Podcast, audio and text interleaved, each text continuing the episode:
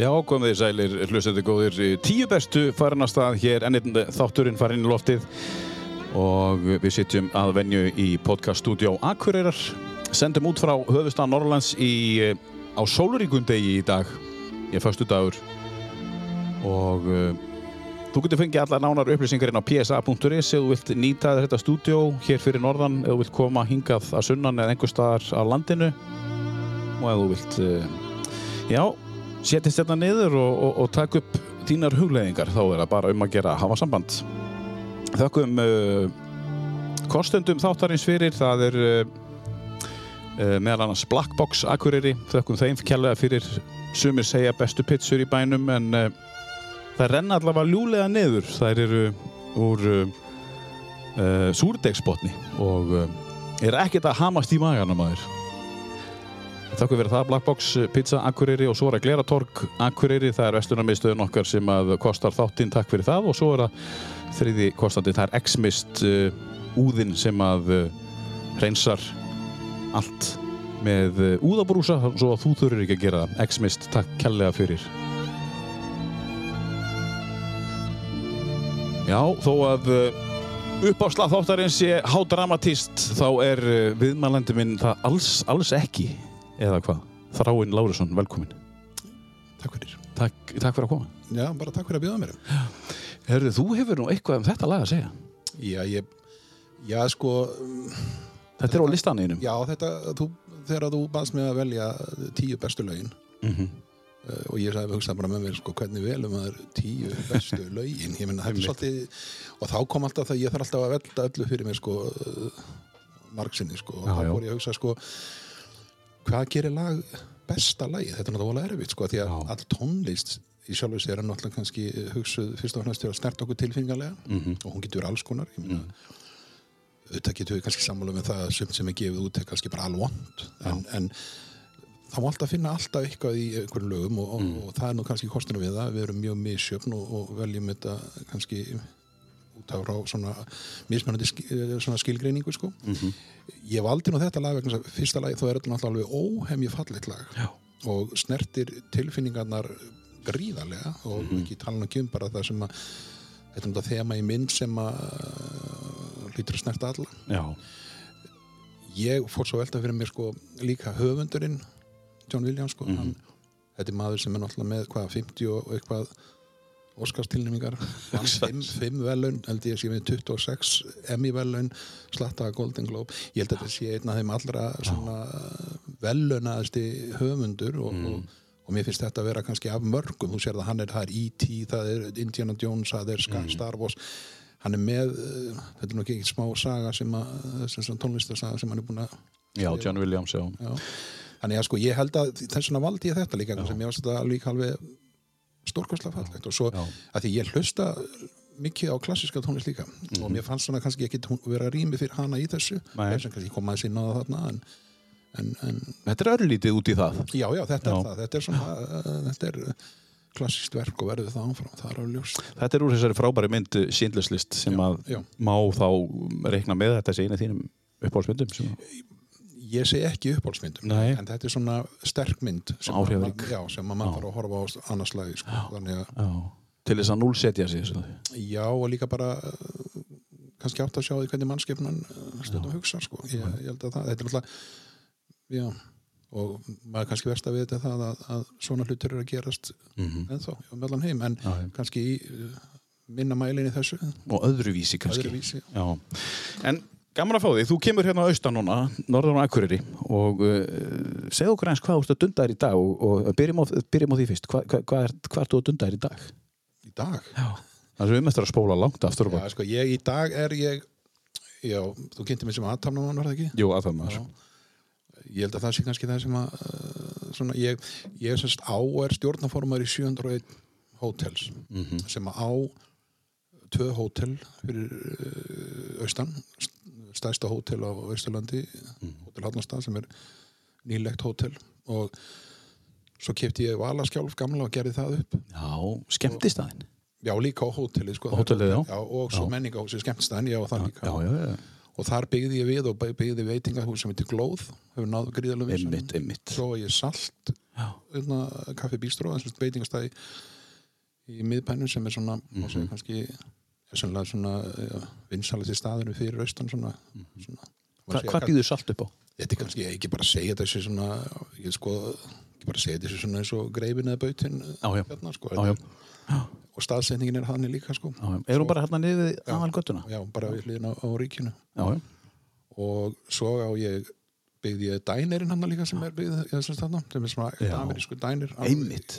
Já, Já, þú átt það? já, já, ég hannaði það byggði og gerði og ég, já. það líka. Hver hefur ekki borðað þar á leiðinni í, í, í gegnum eigistæði? Þetta er... Þetta er skemmtileg hugmynd. Já, sko, þetta er, þetta er náttúrulega bara þannig, þetta er, svona uh, shoppustíl og þannig að. Eða, eða svona, í svona dænerstíl en samt með okkar íslenska mat því að þetta er náttúrulega sko dæner stendur náttúrulega fyrir, má segja þetta var svona amerískur skyndibiti áður en að skyndibitin byrjaði. Þetta var gríðarlega vinsælt hérna á- áður en að þessi þessi hardcore skyndibiti sem við þekkjum í dag og McDonalds og KFC og þetta þá, þá var þetta svo, svo þarf þetta eiginlega af markan maður stóðstum hluta Mhm. þegar skyndibiti kom en núna er allt orðið vittlust í þetta aftur og, og Mhm. miklar vinsældir sem að þannig að og þá ég fór út í bandaríkjan og ferðast um öll bandaríkinn til að kynna mér svona staði og klóra mér alltaf rosalega mikið hausnum yfir sko, ég hef svo mikið ekki búið upp á þennan mat sko. En svo fór man alltaf átt að sjá því að þetta var náttúrulega þetta var að því að sko má segja að þegar þið fór á stað þá var þetta svona uh, kannski svona hamborgarar og, og samlokur eitthvað svona en samt í svona heimilislegum stíl sko. það er það sem dæninni gengur út á sko. Já.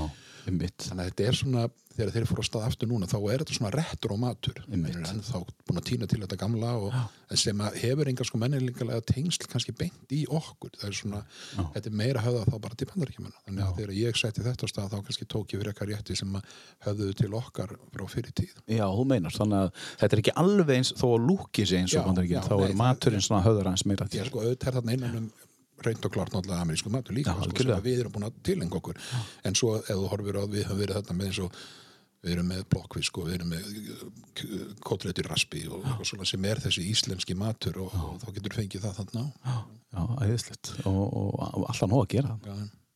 Gott reynsli og, og, og mikið í hádeginu. Við vorum hann í viku fyrir síðasta og borðum hann svolítið í hádeginu og það var alltaf brjálega að gera. og svo, svo er náttúrulega eru tveiri veitingastar á Hallonstað sem ég á líka Hverjir eru það? Það er uh, kól og svo er lauf það eru bara sem er inn á hótelinu, tveiri veitingastar inn á hótelinu Já, já. Kól, lauf, salt, dænirinn dænirinn já. og, og, og tótel. og svo glóð, þú glemdi því Og, já, og glóð. Já, Og svo- og, og, og, svo valaskjálf. já, og svo Það er aldrei lis. í, janúar þá kefti ég hérna gamla fellabakari sem er búið að starfa hérna 1968 og við erum að breyta því núna og, og betur að bæta þannig að við erum að opna tværi bakarísbúðir hérna við í Raustan eða ég Hvað ætlið að breyta? Í, hva- hver ætlið að breyta? Hva, hvað ég erum bara að taka þetta kannski það má segja að þetta hefur verið komið svona þetta var nú kannski svona þetta var eins og ganga svolítið inn í fortíðina þannig, að það þurfti kannski að koma þessu inn í nútíðina og Mhm. Svo var hérna þetta bakari sem var þarna bakarísbúðin sem var í fellabænum í þessu húsi sem bakari er Já, þetta var náttúrulega orðið agalega þreytt og Mm. mm. við erum að, ég er að endur byggja það sá núna, það er einmitt verið að mála núna það sem að við viljum reyna að opna í næstu viku, Mhm. Já, seinni já. í næstu viku. og svo hérna erum við að opna uh, bakarísvæslan líka á Eilstum hinum með við fljóti og við erum að opna það í húsinu þessi salt er það sem ég er aðkynni svona ísbúð ísbúð Þannig að þú ert með svolítið háa prósentutölu af veitingastöðum á eirstöðum í þínu rekstri. já, ég er svona meðnum að segja það mikið háa Það var nóg að gera. Ert þú að reka þetta allt saman þráinu? Ertu með fólk, gott fólk með þér? Já, já, sko, ég er nú svo heppin að, að, að börnum mín tvö þau eru með mér í þessu og Já, dóttir mín er framkvæmdastjóri fyrirtækisins og rekur það mjög myndarlega og stendur sig gríðalega vel og ég er mjög stoltur af henni og svo er sonu minn, hann er yfir sagt, saltinu og dænirnum og, og, og sem sagt, rúlega starfsmanna þættunum í fyrirtækinu líka Já. Já, já. og svo er unnusta mín núna, hún er hótelstjóri á að við erum bara fjölskyldan Þetta er fjölskyldu fyrirtæki. en svo eru þetta mjög sterkir einstaklingar með okkur líka sem er í vinni hjá mér sko. Já.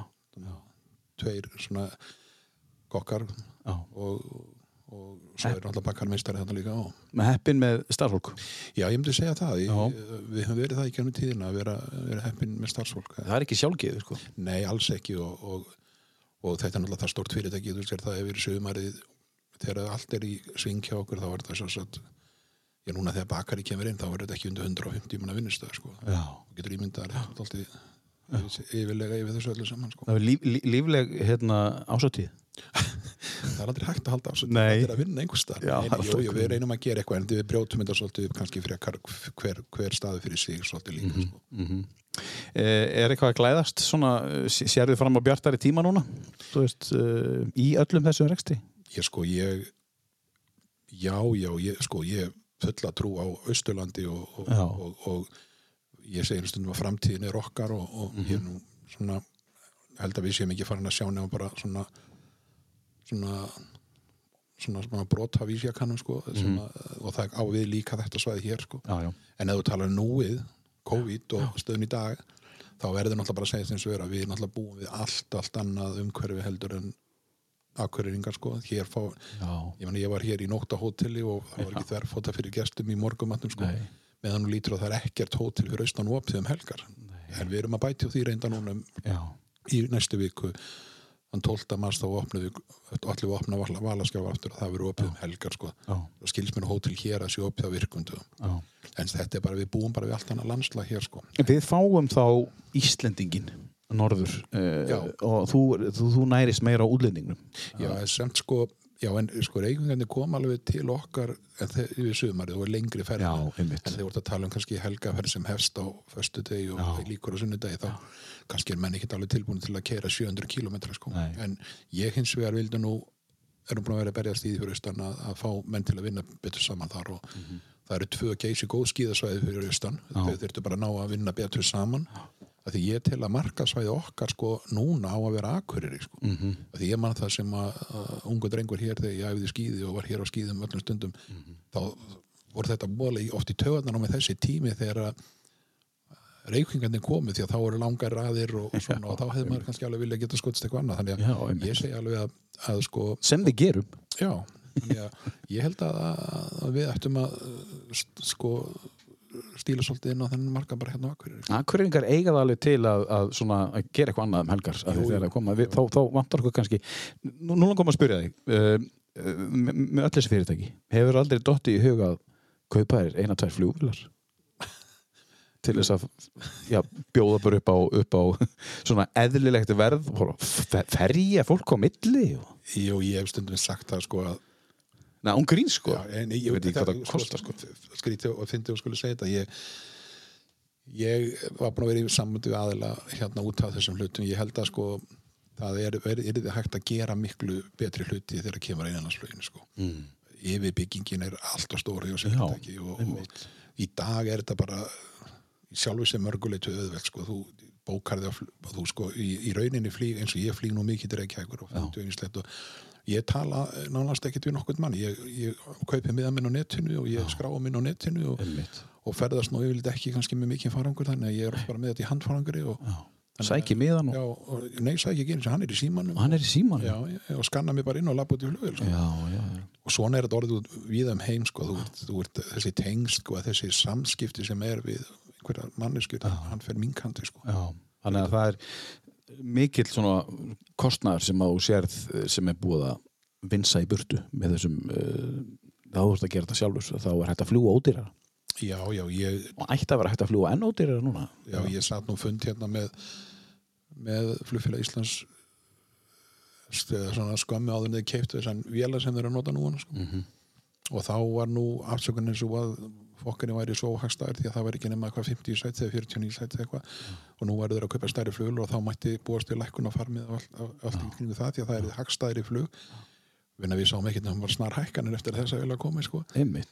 sem ég vil náttúrulega líka svolítið meina að, að, að sé svolítið sko, fögnu við þessari skosku leið svo kulluðu sko, þar sem að við fáum niður greitt flug 40% já, og úðalega gott fyrir okkur en þetta gerir ekkert fyrir Nei, ég fæ ekki, eða reykvinga fór ekki 40% Nei. fyrir að fara a, a, þú veist, þannig að mér finnst þetta sko, þetta, þetta er eh, þetta er engin lausn í þessu og það sem Nei. gerðist líka Já. Það nú ringir síminn. Og öruglega ekki í, í, í fyrsta skiptið meðan á þessu viðtalið stöndur, síminn ringir. Já, þið heyrið þetta ekki, sko, er það? Nei, við heyrum þetta ekki. Eða málu að heyrast. Já, þetta er, ég með heyrðnatæki, sko, þannig að ég heyri þetta. En, Já, já, já, ég sá hann bara ringja. já, en hérna, sko, það sem að uh, þetta mér svolítið, hvað var ég að segja? Já, þú vorst að segja semst að, að, að með, með, með flugið að hérna uh, já nú datt ég út líka en við vorum að ræða flugið Já, ég, ég, það var það sem að, að, að sko, það sem að við það að, að, að þetta skoskal, þessi, já, þessi skoskal að þú sast einhvern fund. Að það gerir ekkert fyrir okkur.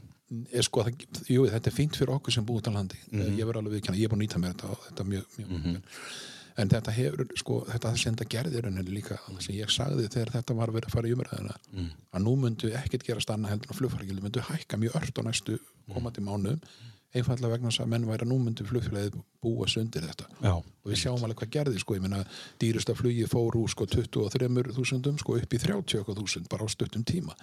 Já, hérna. Og á sama tíma þá hröndin og elsnæðisverðið Já. og allt þannig að sko þetta er ekki þessi, það, sko, það sem er bara að í okkar þessum flugrættur hérna innanlands og ég er búin að markbenda á þetta. Það er bara fyrst og fremst það að það er ekki aðmiðleg flugstöður Reykjavík þar að segja það er, þó að maður myndi vilja stopna flugfélag eins og þú nefndir áðan já, þá fær maður hvergi inni, hvar á hún að vera inni. Flugfélagið á þessa gömlu skúrabyggingu sem er þarna á Reykjavík Mhm.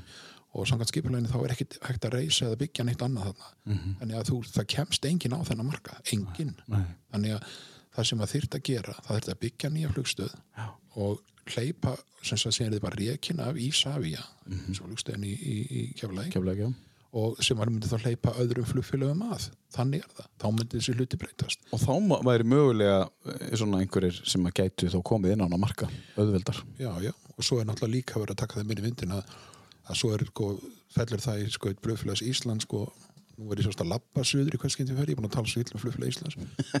Nei, Nei, við erum ekki að tala ítla Nei, um það, nei, má gera betur sko. Að það sem ég kannski er að segja er að það sem að við þurfum að hugsa um að, að, að hérna nú ringir síminn aftur sko. Já, ég veit að þetta er ekki fyrsta og annað, þannig að þannig að sko það sem að ég sko þetta er alltaf svo slærta mig alltaf út af Já, legin, að það mætti gera betur er það að þú ert búin að vera á fundum með þeim og það sem mætti gera betur í, í, í flugsamsöng Já, sko, þú sér það sko, ef að það væri svo líka þjónustan, eins og eigilstöðum Já, ég veit ekki hvernig það er hér, að hér já, þjónustan á flugullinum, hún er veitt af flugfélag Íslands já, einmitt þannig að sko til þess erlenda flugullir sem koma inn til að ég stað, Já. er borga stjartfræðilega háa þjónustu á flugullinum Já, já, þannig að sko, það er svo margt skrí, eða sem vond í þessu bara Já. sem er bara, bara algjörlega óvasettanlegt Já, sko. það er bara, það er bara já.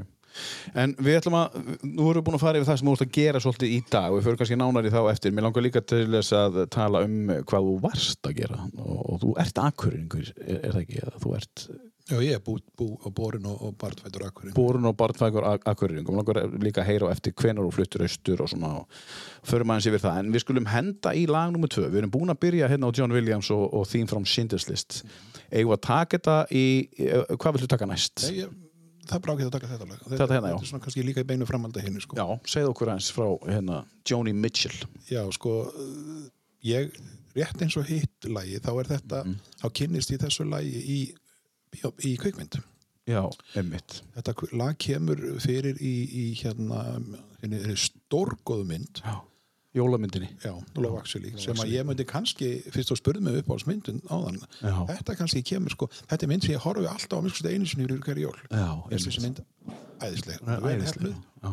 og stórkostleg þetta lag kemur fyrir í þeirri mynd og, og strax þegar ég heyrði það, þá greip þetta mig svona þannig að ég fór og hafði ekki verið að hlusta neitt á, á, á hana sko Mhm. en, en, en fór að hlusta á hana og, og hlustaði mikið á hana í, í, í, í nokkuð mörg ár þetta, þetta lag á alltaf svolítið svona pláss í, í, hjarta minni síðan sko. Og þetta er sorglegt er- Gríðalega sorglegt það og svona sterkar tilfinningar í þessu Já. Fyrir þá sem hafa séð myndina það vita hvað við erum að tala um. Það er það hún fekk, fekk ekki hérna hálsmennið. Nei, fekk ekki hálsmenni sko. Hún fekk uh, diskinn með Með Mitchell. Johnny Mitchell, of angel hair and ice cream castles in the air and feather canyons everywhere. Looked at clouds that way. But now they only block the sun. They rain and they snow on everyone. So many things I would have done. But clouds got in my way. I've looked at clouds from both sides now, from up and down, and still somehow it's cloud illusions I recall. I really don't know clouds.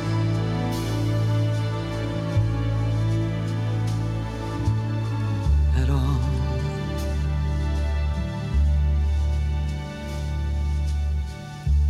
moons and Junes and Ferris wheels. The dizzy dancing way that you feel as every fairy tale Heyrim hér fallegt lag með Joni Mitchell, lag sem heitir Both Sides Now og kemur fyrir í myndinni mitt Love Actually og hér situr Þráinn Lárusson og þetta er eitt af hans, uppáhaldslögum má segja það? Já, ég held það. Svona, Já, svona í setni tíma lög, já. Já, þess, samt sem áður, þetta lag var geið út 1967, sko. já, En ég segi það eiginlega kannski poppaði ekkert upp fyrir en, fyrir en hérna við gerð myndarinnar held ég, sko. Þetta, jú, auðvitað hefur þetta náð einhverju flugi þegar þetta var, nú fleiri flytjendum og ég held að raunverulega það var, það var uh, önnur kona sem að flytta þetta uppháðlega. Já, það getur verið. fyrst, fyrst, fyrst, hún samt þetta fyrir aðra, annan söngara fyrst, sko. Það má bara vel vera. Já, já og Joni Mitchell hefur samið fyrir annan söngara fyrst. Já, eða sem sagt samið og hann flutt, var fyrst flutt af 1967 af einhverju eh, konu sem að, ég kann ekki nefna, hún var eh, samt hvort hún hétt bara Joe, Joe eitthvað, ég mann það nú ekki alveg. Já, En hún flutti þetta held ég og svo meiri sér sko, það eru fleiri flytjendur hún flutti þetta lag sko. já, já Já, eftir, öruglega eftir myndina líka bara, bara Já, örugglega, sko. þú veist, uh, náði flugið þar en uh, segja okkur aðeins frá mér langar að spyrja fyrst, hvernig þú fluttir austur frá Akureyri hvað ertu búin að búa lengi fyrir austan? Ég sko, ég flytt náttúrulega ekki frá Akureyri austur. Ég, fyrirgefðu. Ég bjó Erlendi sem langan tíma. Já, já, já. Tíma. segja okkur aðeins hvernig það var eftir þú fluttir frá Akureyri og, og af, af, af því Já. þú fluttir stegi Sko, ég flytt hérðan til Spánar 93, held ég að verið, já. hvert á spánið? Ég bjó hann bara Alicante svæðinu. Já, já, já, já. Og þar og svo flutti ég þaðan til Ítalju já. og hérna og var ég þar í smá stund kom svo aftur til Spánar Já. svo kom ég heim í smá stund bara í einhverja uh, tvo mánuði held ég hvað varst að gera þá? hérna heima, ekki neitt, ég fekk ekki að gera ég fekk að vinnu Já. þannig ég bara gafst upp og fór aftur til Spánar já. hvernig var að búa það núti? það var mjög fínt sko ég eh, elskaði að búa Spáni og ég væri öruglega þar meira ef að ég ef að minn uh, lífstíl myndi bara ekki vera þannig að ég á meiri frítíma eða ég sko núna er komið svo tími að ég í rauninni get kannski verið meira minna bara erlendis á veturnar sko. Já, en væri sjálfst ekki hérna heima núna eða væri ekki COVID sko. Nei, en einmitt. ég hins vegar finnst spátn og kaldur fyrir mig veturnar sko, á veturnar sko, sérstaklega þessum tíma, tíma þá, Mhm. þannig að ég leita til heitæri landa en, en, en, en hvert hefur þú farið þá? Bara, uh, síðast ár voru við á Tælandi já, í tvo mánuði og þangað allaði aftur í ár já, og vera þá miklu lengur, lengur. Mhm, ég sem sagt sko ég hef líka pínlutur að horfa til sem sagt Kanari eða staðsvæði en einhvern veginn finnst mér þetta bara svo eitthvað sko þetta er þreytt en ég mér skild það sem aðalega bara í umræðinni sko. Ég stundi að kalla þetta svona hálfgett gett og þarna fara allir. Þetta þetta sko þannig að þetta, mér finnst þetta eitthvað svona ofsalega óspennandi. En ég hef sér búin að fara á bæði á Kanari og sérst á, á, á, á sérst, Grand Canary og, og Tenerife og, og ferðaðist um þessar eigur og það er náttúrulega þetta er stórkostlega eigur Já, og, og, ekkert það að setja á en margir sem búa það núna já, já. og hafa það bara gott og líður vel. Já, já, en þú veist þannig, þannig að sko ég, ég elska Spán en ég, Spáni var ég svo í, í nokkuð marga mánuði og þaðan flutti ég svo til Egiptalands og var þar í hálft ár hvernig var það? það var mjög sérstakt en ég kunni mjög vel við mig þarna mörgu leiti þetta var náttúrulega uh, svolítið erfitt land að búa í að mörgu leiti þó að sína skára fyrir okkur kallpenningin heldur en hvern fólki Já, ég trúi því. En uh, ég kunni vel með þetta. Fólkið var indislegt þetta fólk sem ég umkjæst ég var mikið að umgangast svona kannski svona milliklassan sko. Fyrst þegar ég mætti að kom þarna þá var allast þess að ég væri að að umgangast meira svona svona efri stjættir en ég fannst það svo drefleðilegt fólk og ömulegt að bara í öllu hátalagi að ég var nú hljótur að fara, færa mig úr því sko. Er það ekki, þú, þú nörgulega gert það uh, víðar, er, er það ekki bara svolítið svona, svona þannig, Jú, jú, það er, þú veist, sérstaklega mér almennt. veist, eh, sko, við erum stundum að tala um að sé einhver svona stjættaskipting eitthvað hérna á Íslandu og það er ekki sko, þú hefur, þegar þú hefur kynst stjættaskipting hvernig hún vinnur að þá þá, þá, þá, þá passar þetta ekki, það snerti okkur ekki hér sko. En hvað varst að gera í Egyptalandi? ég tók að mér að, þetta var náttúrulega saga var þannig að ég var búin að á árunu áður þegar ég var á Spáni, þá kom þarna Íslendingur og vildi endilega að ég opnaði með sér veitingastað í Kína. Var með viðskipt í Kína þessi maður. Ég fannst þetta mjög spennandi og, og, og hérna bara já og, og, Já, það er spennandi. og fannst þetta áhugavert en svo, og, svo var ákveðið ég myndi koma til hans um haustið. Svo breyttust þau áform þegar að leiða haustinu. Ég kynntist þarna manneski sem að, frá Ítalíu og, og þannig að það var svona breyting á því að ég fór til Ítalíu og var þar í smá tíma en fór þaðan mjög, mjög stöðu fyrirvara.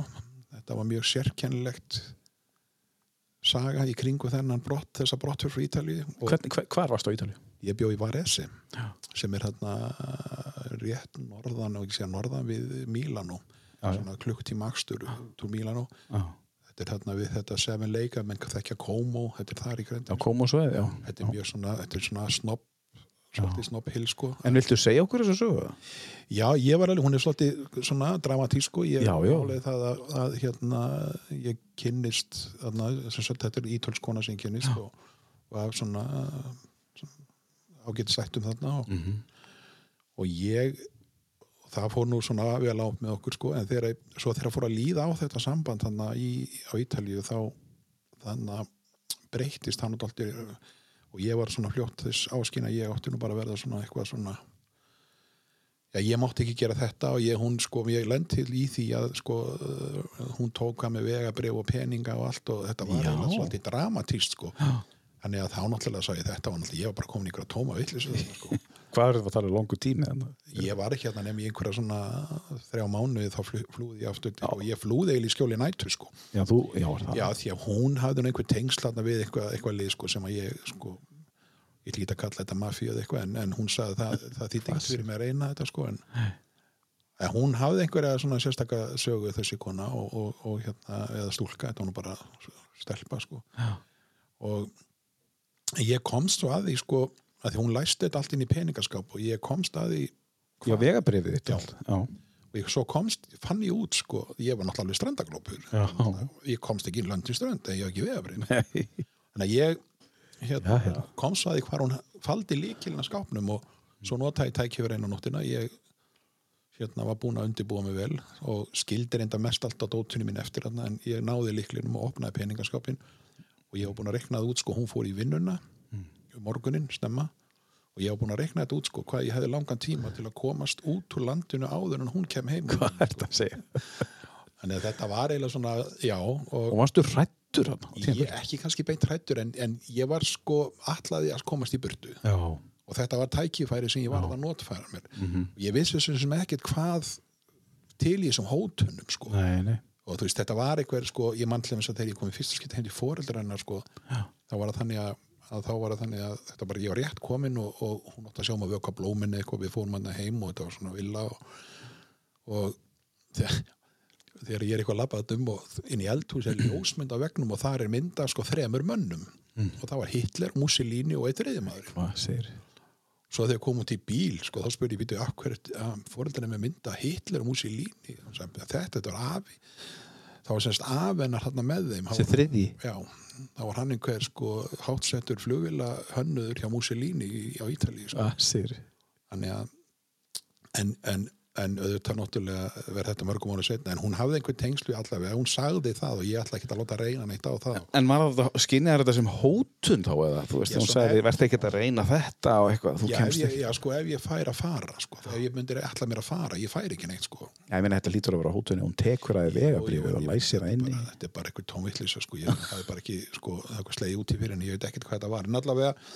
það var það þannig þannig að ég komst yfir til Spánar yfir landamenni til Spánar og, og var bara fegn, því, mjög fegin því en svo kemur nú eins framhald að þessari sögu mörgum, mörgum, mörgum mánu setna en, en það er kannski ólant að fara út í hana núna en, en Við erum nógum tíma. Nei, það var þetta bara þannig að sko ég hérna svo líða sko mörg ár Já. 20 ár sko. Já, og ég, ég, er- ég, svo er sitt hjá bæjarstjórnafundi það var þeim tíma sem ég var í bæjarstjórn og ég er með tölvun og svona fyrir maður með bæjarstjórnafundinum og, og það er svolítið fyndið að sko kunningi minn sem var með mér í pólitík á þessum tíma, hann satt svona í hliðin á mér og allt henni sér hann ég verð bara eitthvað mjög skrítinn allir og fyrir svo fyrir að horfa í kringum mig og þá poppar upp skilaf frá sæni manneski sem ég hef ekki heyrt í öll þessi ár sko. þessi kona 20 ára setna já, Og hver voru skilabóðin? Hvar ertu? já og hún spurði alveg af hverju Já, af hverju, já og 20 ára Já, setna og ég held sko að ég hef ekki mörgum sagt þessu sögu en ég hef á þeim tíma var ég svona aðeins fann að segja þessu sögu pínliti og ég í rauninni sko fór að velta fyrir mig hvort einhver að gera aðtímir sko. Já. en svo náttúrulega nafni, ég hef aldrei talað nafni á þessari konu sko, Nei. það ger ég ekki ég bara ger það ekki. En, en þetta var svolítið svona en, en hérna Ber hún þekkt eftirnafn? Eftirnafn, bara hún svo segir það já, hún hefur eftirnafn sem margir af heyrt sko, Já, en, já. en ég vil ekki fara út í þetta. Nei. en svona til gáðans að geta sko, það sem hún bjó á Ítalíu sko, þá, á þeim tíma þá voru, bjó, hún bjó í sko, götu þannig á Ítalíu og, og í sömu götu bjó hérna söngvarinn í Simply Red Já, já, og, og hérna í næstu götu var hérna Van Basten hérna held held ég stór ykkur fótboltamaður. Marko Fann já, Basten já, þetta var eitt, geðasti, þetta var eitt frægasti já, fótboltamaður heims á þessum tíma sko. Já, já. þetta var eitthvað svona villa hverfi sem hún bjóð sko. en það var, þetta var mjög skemmtilegt þorp var þessu sko, eða þeim tíma fannst mér sko. En sko, og já, og, og, og hún poppaði þarna upp og spurði svaraður henni ég svara hann í tveimtum setna, já. Já, svona var að melta þetta við, við mig hvart ég ætti að vera að gera. Einmitt. þetta en ég, það er svona til þess að sko, get ég, ba- svona til þess að sko, menn haldi ekki í síðan og bara einhver galin í þessu sko, þá er, þá var það þannig að þegar eitt skipti skrapi heim til Íslands þegar ég var til þarna og, og hérna var svo leiðinni heim aftur og hitti tvo félag tvo félaga mína í flugstöðinni, það var Jobbi hérna og Raggi Sót í skriðjöklum þá voru þeir að fara að spila einhverju Íslendinga eða eitthvað í Kaupmannhöfn og ég var að millirandi í Kaupmannhöfn og svo dróst og dróst flugið og við sátum alltaf og að drekka og hann vel svona, Já, já, mildir. og svo fórum við nema þegar við komum loksins til Kaupmannhöfn þá var ég búin að missa ítölsku vilni þannig að ég þurfti að gista í, í Kaupmannhöfn og Svona svo gengur og gerist. Já, en ég var einhvern veginn búin að mana það að koma eitthvað og heyri í mér og svo frétti ég það setna einhvern tíma eftir að ég var farin sko, þá ringdi Raggi þarna heim og spurði eftir mig og kenning, var hún stelpa, hann var alveg brjálið sko, heldi sér yfir Ragga. Hvað segir já, já, já. svo ringdi þessi kona ringdi í pappa og allt maður, þetta var svona eftir þetta En er þetta búið núna? já, löngu, Já. minn almáttugur sko, þetta, þetta var búið þarna en svo kom bara þessi, Já, já. þessi, þessi melding og búið sko. Já, já Hún hefur verið, hún hefur viljað kallinn.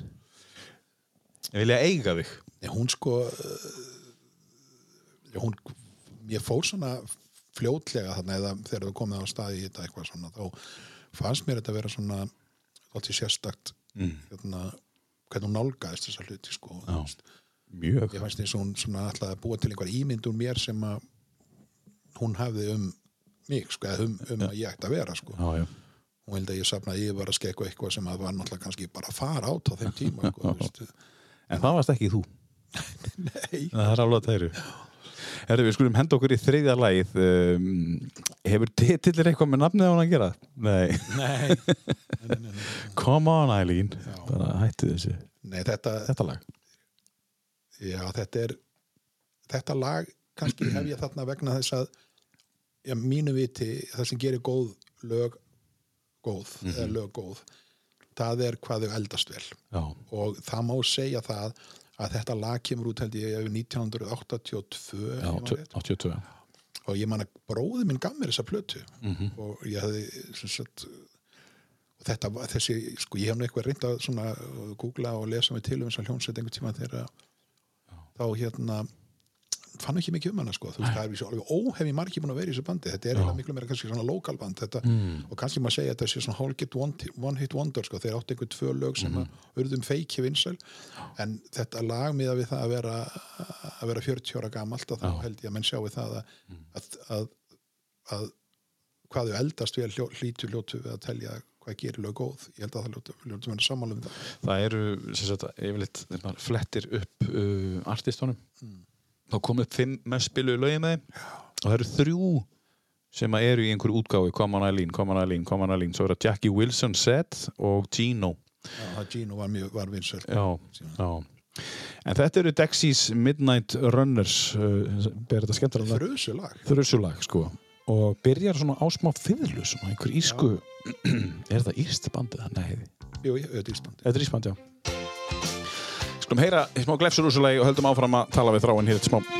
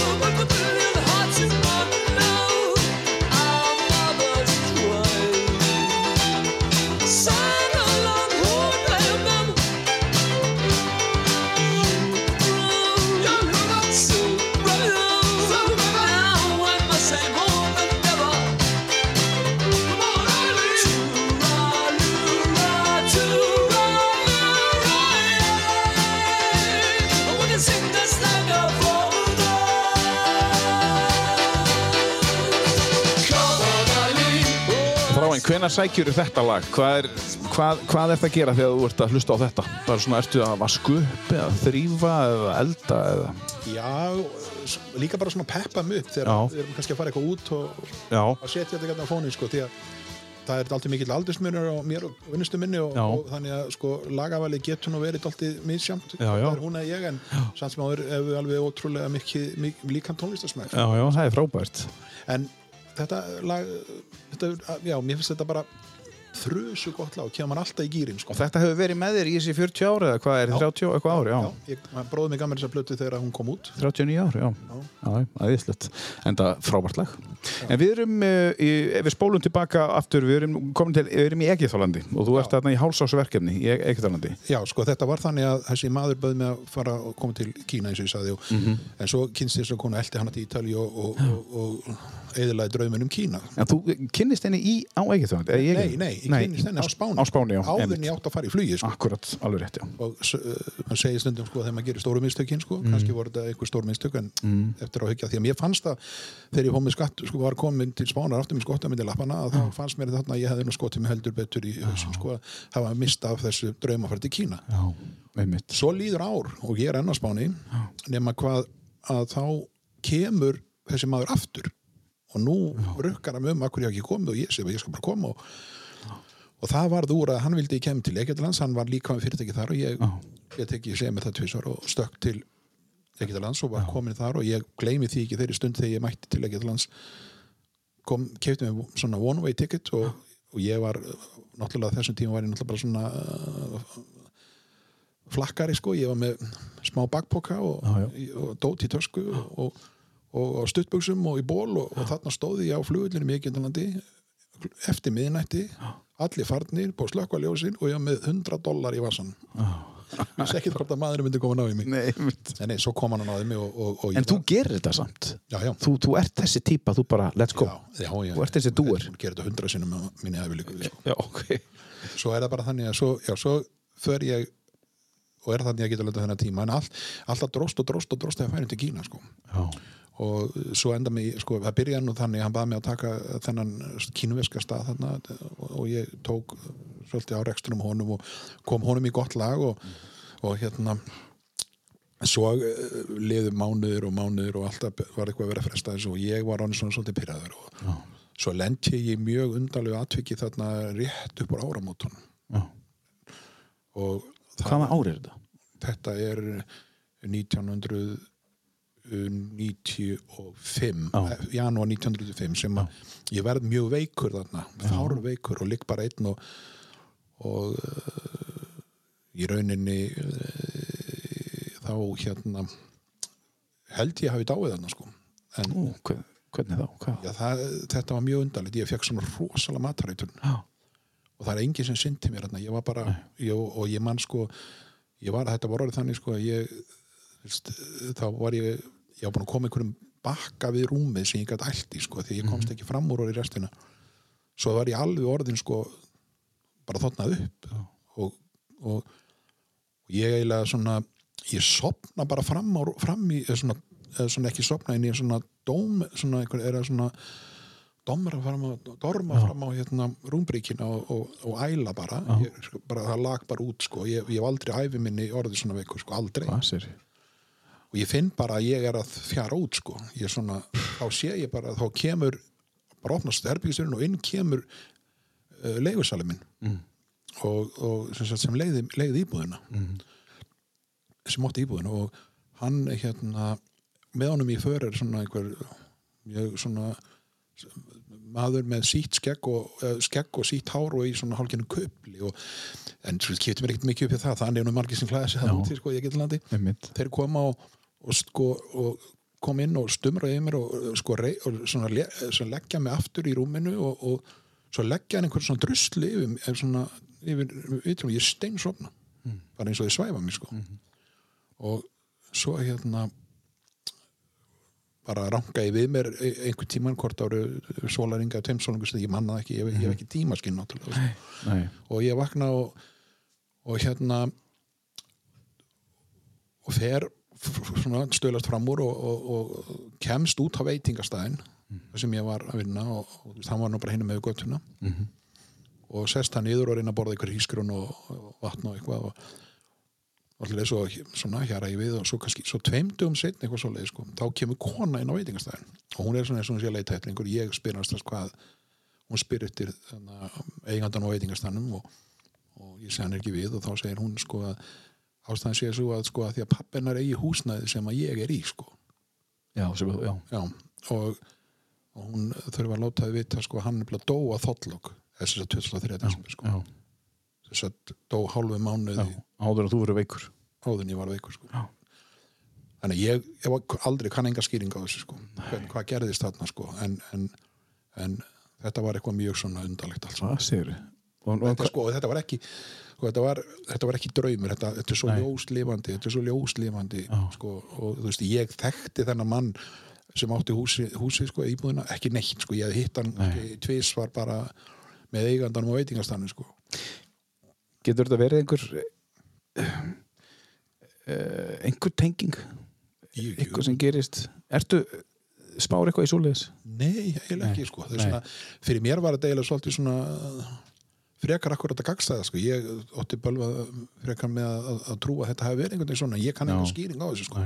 Hann kom hann inn og, eða eitthvað, ég meina ef ég var að dreyma, Mm. ok, af hverju maður að dreyma hann allt í hennu, sko, ég hafði engin tengsl og engin ástæðs að dreyma hann, sko, en þannig ég hef ekki hugmyndum, sko, í rauninni uh, hvað var, Einstakt. sko, en upp úr þessu þá ákvæði að fara heim, Já, já, af því að líka það, ég fór að hugsa, sko, hvað veist, þarna var ég veikur í einhverja daga Mm. það kom ekki einn maður frá veitingu og aðtúa með mig, sko. Hvernig var þetta bara tilfellilega tilfallallega þegar hann hafi komið þarna með hennar mann og, innum, ég hef ekki hugmyndu, sko, ég, ég, þú mögulega gerist það ekki eða, ég hef ekki hugmyndu ég veit ekkert, ég bara þetta, bara þetta er svona Já. upplýði ég atbörra sinna, sko og eitthvað gerðist það að ég loksins sopnaði sko. ég var náttúrulega ekki búin að geta sofið í bara að tvo þrjá sólarhingan. Ég bara lá og ældi, ég ældi bara svona einhverja sekundna milli sko, og það er ekki, og reyndir ekki ældi þú getur ekki ælt, þú bara kúast og kúast Já, og, já, já. Það er ekki og, til. veist, og ef ég fyrir vaksopa þá bara kekka strax upp mér aftur sko. þetta, Úff, hvað varstu lengi að ná þér? Hvað var þetta? Viku, viku tíðanbilið? ég sko furðulegt nokk þá var ég nú nokkuð góðu bara svo þriða degi en auðvitað fann maður til í skroknum og var svona eftir sitt svona Já. tíma Já. en, en þetta var þetta var mjög, mjög, mjög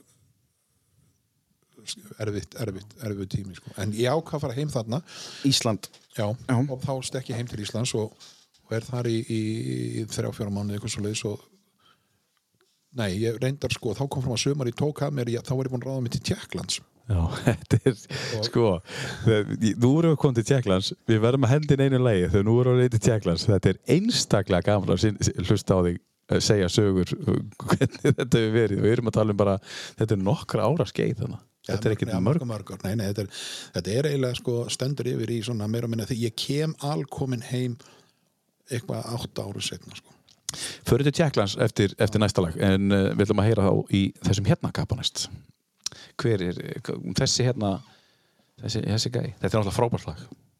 Uh, Já, æðislegt þetta er sko, sko sá sem að kyn, kynir mig fyrir þessum lægi, Mm. það er Eyjólu Kristjánsson Já, já, næsti viðmælandi Já, það er bara þannig að það er einhver tíma þegar ég hérna á Akkurir og er með uppan Mm. og, og þá fyrir Eyva að spila fyrir mig hana, Mm. kemur onsi oft einu sinni, tvisar í mánu Mhm. og hann var með þetta lag á efnisgráni og, og þetta lag, hann spila alltaf ofsalega fallet og en ég reyndar sko, finnst mér Eyvi hafa gerð þetta mörguleiti ljótt að segja betur heldur en frumútgáfan sko. Nú er það.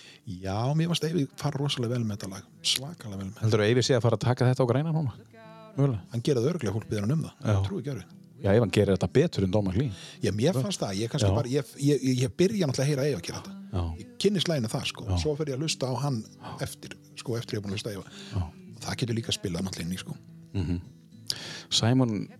Garfunkel tók þetta líka það ekki? Jú, jú, það er fleiri gert Fleiri gesta, já.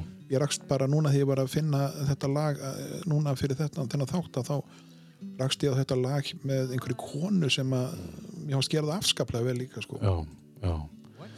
Þetta er afskaplega fallegt lag samið af Don McLean. Og við skulum heyra bara orginalinn hér uh, í nokkrar sekundur And how you tried to set them free. They would not listen, they did not know how. Perhaps they'll listen now.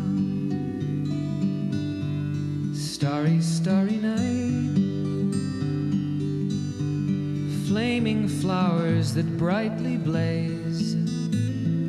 Swirling clouds in violet haze reflect in Vincent's eyes of china blue, colors changing hue. Morning fields of amber grain, weathered faces lined in pain are soothed beneath the artist's loving hand. Now I understand. What you tried to say to me, and how you suffered for your sanity, and how you tried to set them free. They would not listen, they did not know how. Perhaps they'll listen now, for they could not love you. But still, your love was true. And when no hope was left inside on that starry, starry night, Hér heyrum við í Don McLean uh, sungið uh, um Vincent nokkurn og þetta er á listanum hans Þráins Lárussonar í tíu bestu hér. Um, Við vorum komið til Tjekklands Þráin, en þú vilt bakka aðeins og fara aftur til Eikathanas ég sko ég, og það gerist hellingur í já, Eikathalandi hellingur sko. Ég, það er eitt sko. Hálft ár. Já, ótrúlega mikið á hálfu ári. Sko, það sem var náttúrulega ég, lend, ég lendi í því tvísar ektilandi að, að það er raunlega sko, það átt að drepa mig sko. Nú, Já, tvísvar já, tvísar og fyrra skipti var nú fyrir algjörna klaufagang í mér. Ég, það var þannig að ég var bara nýkomin og ég var með þessa íbúð þarna, sem ég fekk aðfenda og stóra og fín íbúð og og hérna, svo gerist þetta bara einhvern hans, kannski svona viku og hálfu mánu eftir ég komin hann þá það er stelpa sem er að vinna þarna á barnum sem að svona fyrir að eitthvað að horfa alltaf mikið til mín og Gangi í fjörunar.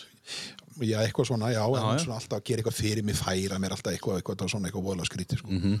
nema hvað að svo er ég komin heim eitt kvöldi þannig að hjá mér á þessum tíma þetta var bara þannig að ég var bara í vinnunni og lappaði svo í göttuna heim Mm. ég var ekkert að fara neitt í þekkti engan annað og vissi sem ekki þetta er ekki þetta landar ekki svo mikið djam í gangi þannig þannig að ég komin heim og búin að vera heim í svona hálftíma þá er bankað á hurðina á íbúðinu og ég fyrir þetta er og þá stendur þessi stúlka og segir hún sé vandræðum hún sé búin að missa af hérna lestinni heim Já.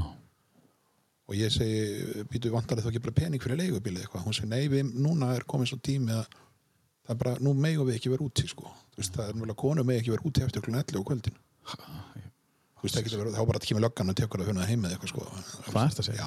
það það. mér að þetta hafi breyst. Nú. já, ég vona það Já, ég vona ég vona það Já. en það er það sem að og ég hef náttúrulega verið svona uh, kjánaskapur í mér, ég sem bara heyrði, ok, hérna þú getur bara gist hérna, sagði og það var auka herbyggi, ég stæði bara þangað inn og, og, og, og Eitthvað sem allir myndu gera í þessum spórum. já, já, Já, já. ég meni, ég var bara að gera Já, þetta, svo fer ég bara inn á fyrir að sofa og, og hérna svo morgun eftir þá vakna ég bara við að það er bara lamið og lamið utan húsin eða, í- eða hörðina og, og ég fer fram og, og opna hörðina og þá kemur hann að framkantastjórin sem var nú svona framkantastjóri þannig nafninu til hann í vinnu minn alveg blóður auður í framann inn og spyr eftir þessari stúlku og ég segi ha já hún er hérna og veður bara inn Mhm. og ég segi og veður inn og, og herbyggir opið og hún er farin úr herbygginu sko. ég segi neða hún, hún var hérna í ég, og þá var náttúrulega annað brálari sko. Já.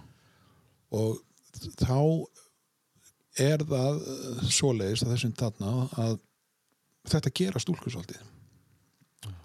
Nú átti að veist, það sem hún var að gera var það að, að því að sko, hún er að láta það líta út fyrir það að þetta máttu náttúrulega aldrei gera. Ég, get, sko, ég komst að því síðar að ef ég ætlaði að taka starfsmenn í viðtal hjá mér og gera það gerna heima hjá mér því að það var engin skrifstöð þarna Já. Að þá þurfti ég að það var kona sem þetta kom í viðtal Já. þá þurfti hún að koma með kallmann með sér og það þurfti að vera opið fram á gang og við þurftum að sitja bara innan við hurðinu þannig að sæjist í okkur á ganginum Já, skrítið. en allt já, skrítið. já, þetta er náttúrulega vissi Og þetta átti þú bara að vita. já, ég, sko, ég, og þarna þannig að ég, ég, þurfti að ég mátti ekkit fara neitt og ég var bara falinn hann inni, ég mátti ekki fara til dyra og mátti ekki neitt gera fyrir en að þeir gæfi mig leifi svo ríkur hann, hann í út og Þetta er, er, framkvæmtastjóri veitingastæðins sem er út að vinna fyrir. þannig ég satt hann og enginn sagði neitt um mig og allan daginn Mm. og, og svo er ekki fyrir hann morgunin eftir sem að hann kemur og segir að allt í lagi þeir hefðu náða að redda þessu vegna þess að sko, ef að fjölskylda hennar hefði komist að því að hún hefði dvalið í, í hú- íbúðunni hjá mér að þá hérna hefði bara við um tvent að velja sko og sennilega bara eitt sko, þeir eru drepið mig sko Hvað er þetta en ég hefði sem sagt kannski getað að bjarga mér ef að þeir hefðu, sko, ef mér hefði staðið til búið að giftast henni Já. Já. þeir spurði ekki það þeir ekki að segja að það gerðist ekkert sko. Nei. ekki Nei. þannig að þetta var, þetta var gríðarlega alvarlegur hlutur sem Já. þarna gerðist og ég hafði bara ekki hugmynd um þetta og, og, og hérna og þá náðu þeir í skotti á stelpunni og, og hún hérna það var einhvern veginn hægt að bjarga þannig að hún hefði átt að vera hjá einhverju vinkonu sinni eða þeir gátt einhvern veginn snú, snúið sér þannig á, náðinni áður en að fjölskylda náðinni sko. því að hún hefði svo sagt bara hún hefði verið með mér sko. mm -hmm. sko, hún, þetta var hennar leið hún sko leið og svo var náttúrulega var bara hún tekinn fyrir og, og, og ég náttúrulega vildi ekkit með, bara, bara hún þegar náttúrulega eitthvað, ég sagði bara svona, risti bara hausinn ef hún náttúrulega eitthvað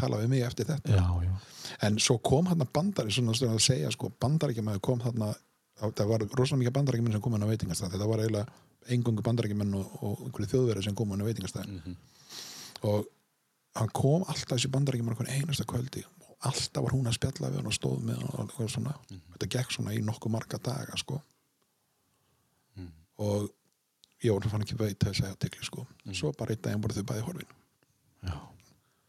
og hún kom ekki aftur í vinnu meðan ég var hann sko. Og, og hann kom aldrei inn á veitingastæðin þau voru bara horfin. Já, ég veit ekkert hvort það, kannski farið saman landið eitthvað, ég veit ekkert á það, en hún var auðsjánlega að reyna að koma sér eitthvað að Eitthvað. Já.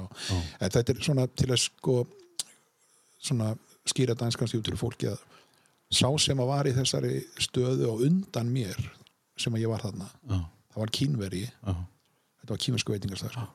Og hann lendir í þessu svipuðu sko, nema hann fór, var eitthvað stelpa fór eitthvað heimsóttan eitthvað, það var eitthvað svona sama stelpa nei, nei, Nei, önnur stelpa, sko.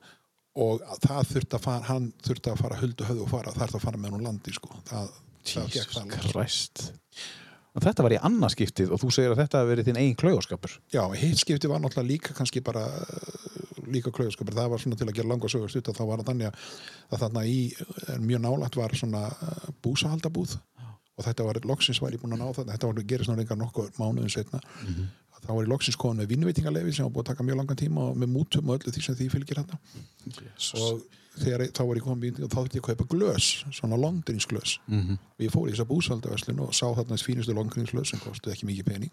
Svo ég sagði við eigandan sko að þú veist, undir ég ætlaði að fá einhverja þrjá kassa af þessu og láta bara strákan að koma með þetta yfir. Svo fer ég inn á veitingastað og svo koma þarna einhverjir tveir guttar með kassana frá honum og þegar ég fæ reikningin hennar þá er hann glösi búin að hækka um helming. Og það fíkur svona í mig og ég segi þeim bara að fara með þetta, ég vil ekki sjá þetta og bara banda svona hendinu frá mér og, og svona kannski smá rúkavöld, ég segi það ekki en svona bara eins og við myndum gera nýjanum. Og lætur ekki sko að fara svona með Nei, nei. svo fer ég bara heim og svo þegar morgun eftir þá kemur eigandinn maður til mín alveg í stresskasti og, og hérna segir mig ég megi ekki fara út. Og ég er haldið ég er haldið Jesus. í í herbygginu er segja? þá hafði eigandinn á veslinni hvort sem trúir ekki, þá mætti hann á morgunin eftir með sleggju og braut allt og bramlaði inn á veitingastanum og var að leita að mér. Jesus og svo fór hann út á götu og var reyna að fá allt liðið. Þetta var svona, þetta er svona, svona aðalgatið þannig, alla götu salun alla upp gegn á móti mér og meðan að ég var ekki útstið með hvernig sað einu við ég myndi fara eða svo, það, það hjá honum að þá mátti ég ekki fara út úr dyrunum sko, því að það var bara stór hættulegt fyrir mig sko. vegna þess að sko, þetta er svo mikil ó, þetta er svo mikil svona svo mikil tilfinninga heift oft í þessu fólki sko, ef þú stígur eitthvað aðeins inn fyrir þeirra þarna síndi ég honum slæmt andlit sko. Já. Kom ég illa fram við hann mm -hmm. síndi honum dónaskap. Það var meira en hann þóldi sko. og, en sem betur fer af því ég verð nú að viðkjanna, ég var svolítið hrokkavillur á þessum tíma sko. þá hafði ég einhvern veginn alltaf komið vel við alla þessa götu, svolítið kiptaði en grænmeti og allt sem er þarna. Og, þú veist, og þeir kunnu, þeir svo að ég væri sko, alltaf harður í viðskiptum en ég væri alltaf bara ekkert um aðmjöleit við þá þannig að hann náði ekki að byggja upp þessa blokk sko. Hvað hefði gerst ef hann hefði náð því?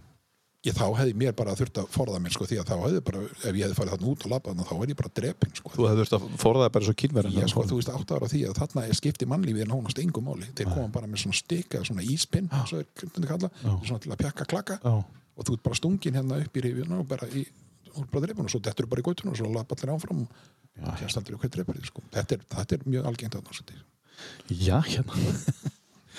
er, er svo Við erum ennþá leiðin til Tjekklands já, já, Tökum þá eftir. Um, um, Næsta hljómsveit er frá Hollandi hefur komið á græna hattin að spila. Fóst þú? ég fór á græna hattin já, Já. í setna skipti, þeir komið tvisar Komið til þess að já. Ég mistaði fyrir skiptinu því að þá var einhvers þar elendis og bölvaði mikið en, en ég let nú ekki mér vantaði setna skipti og svo hefur nú alltaf verið hugmynda þeir væri að koma aftur sko. ég er búin að vera í samband við hauk á græna því að ég er náttúrulega með valaskjöld fyrir austan og við höfum svona haukur er að fá það og þá langar við reyndar komið einu snöstur á land og, og, og, og það var ekki margir sem mættu. Þetta er nördaband döðan sko. það er bara þannig, þetta er, þetta eru gríðalega flotti ljóðfyrir, ég kynnist þessari bandi þegar ég er eitthvað svona tíu ára gammal þetta ég að vera bara tíu, allir ára gammal í gelgnum uh, vin minn Baldvin Ringsteð Bata Ring. Gúi bróður hans held ég hafi kynnt þetta fyrir honum sko. og þetta, ég fjall alveg fyrir þessu. Og þá sérstaklega þessu lagi ég er að segja að það er kannski svolítið leim þetta er kannski að taka þetta lag þar sem þetta er þannig lag með þeim sko, það er til mörg, eða kannski betri lög með þeim. En þetta er lagi sem ég heyri fyrsta skipti og það greip mig algjörlega. Og síðan hefur ég verið mikill fókus aðdáðandi og þetta er geggjað að spila þetta á móturhjólinu sko. já þú keiri móturhjól já, já, já, Fyrir nánari það eftir, það er spennandi. Hvað er, hva, hva, hvaða hjól er þetta að keira? Það kemur í ljósa eftir. Þetta er fókus og lagi heitir Silvia ég, sko, sko, Hérna ertu með lag sko, sem heitir Theme from Schindler's List og þú ert með Common Eileen þú ert með Vincent og þú ert með Silvia Þetta er svolítið svona skemmtilegu listi. Þannig ég höfuð á einhverjum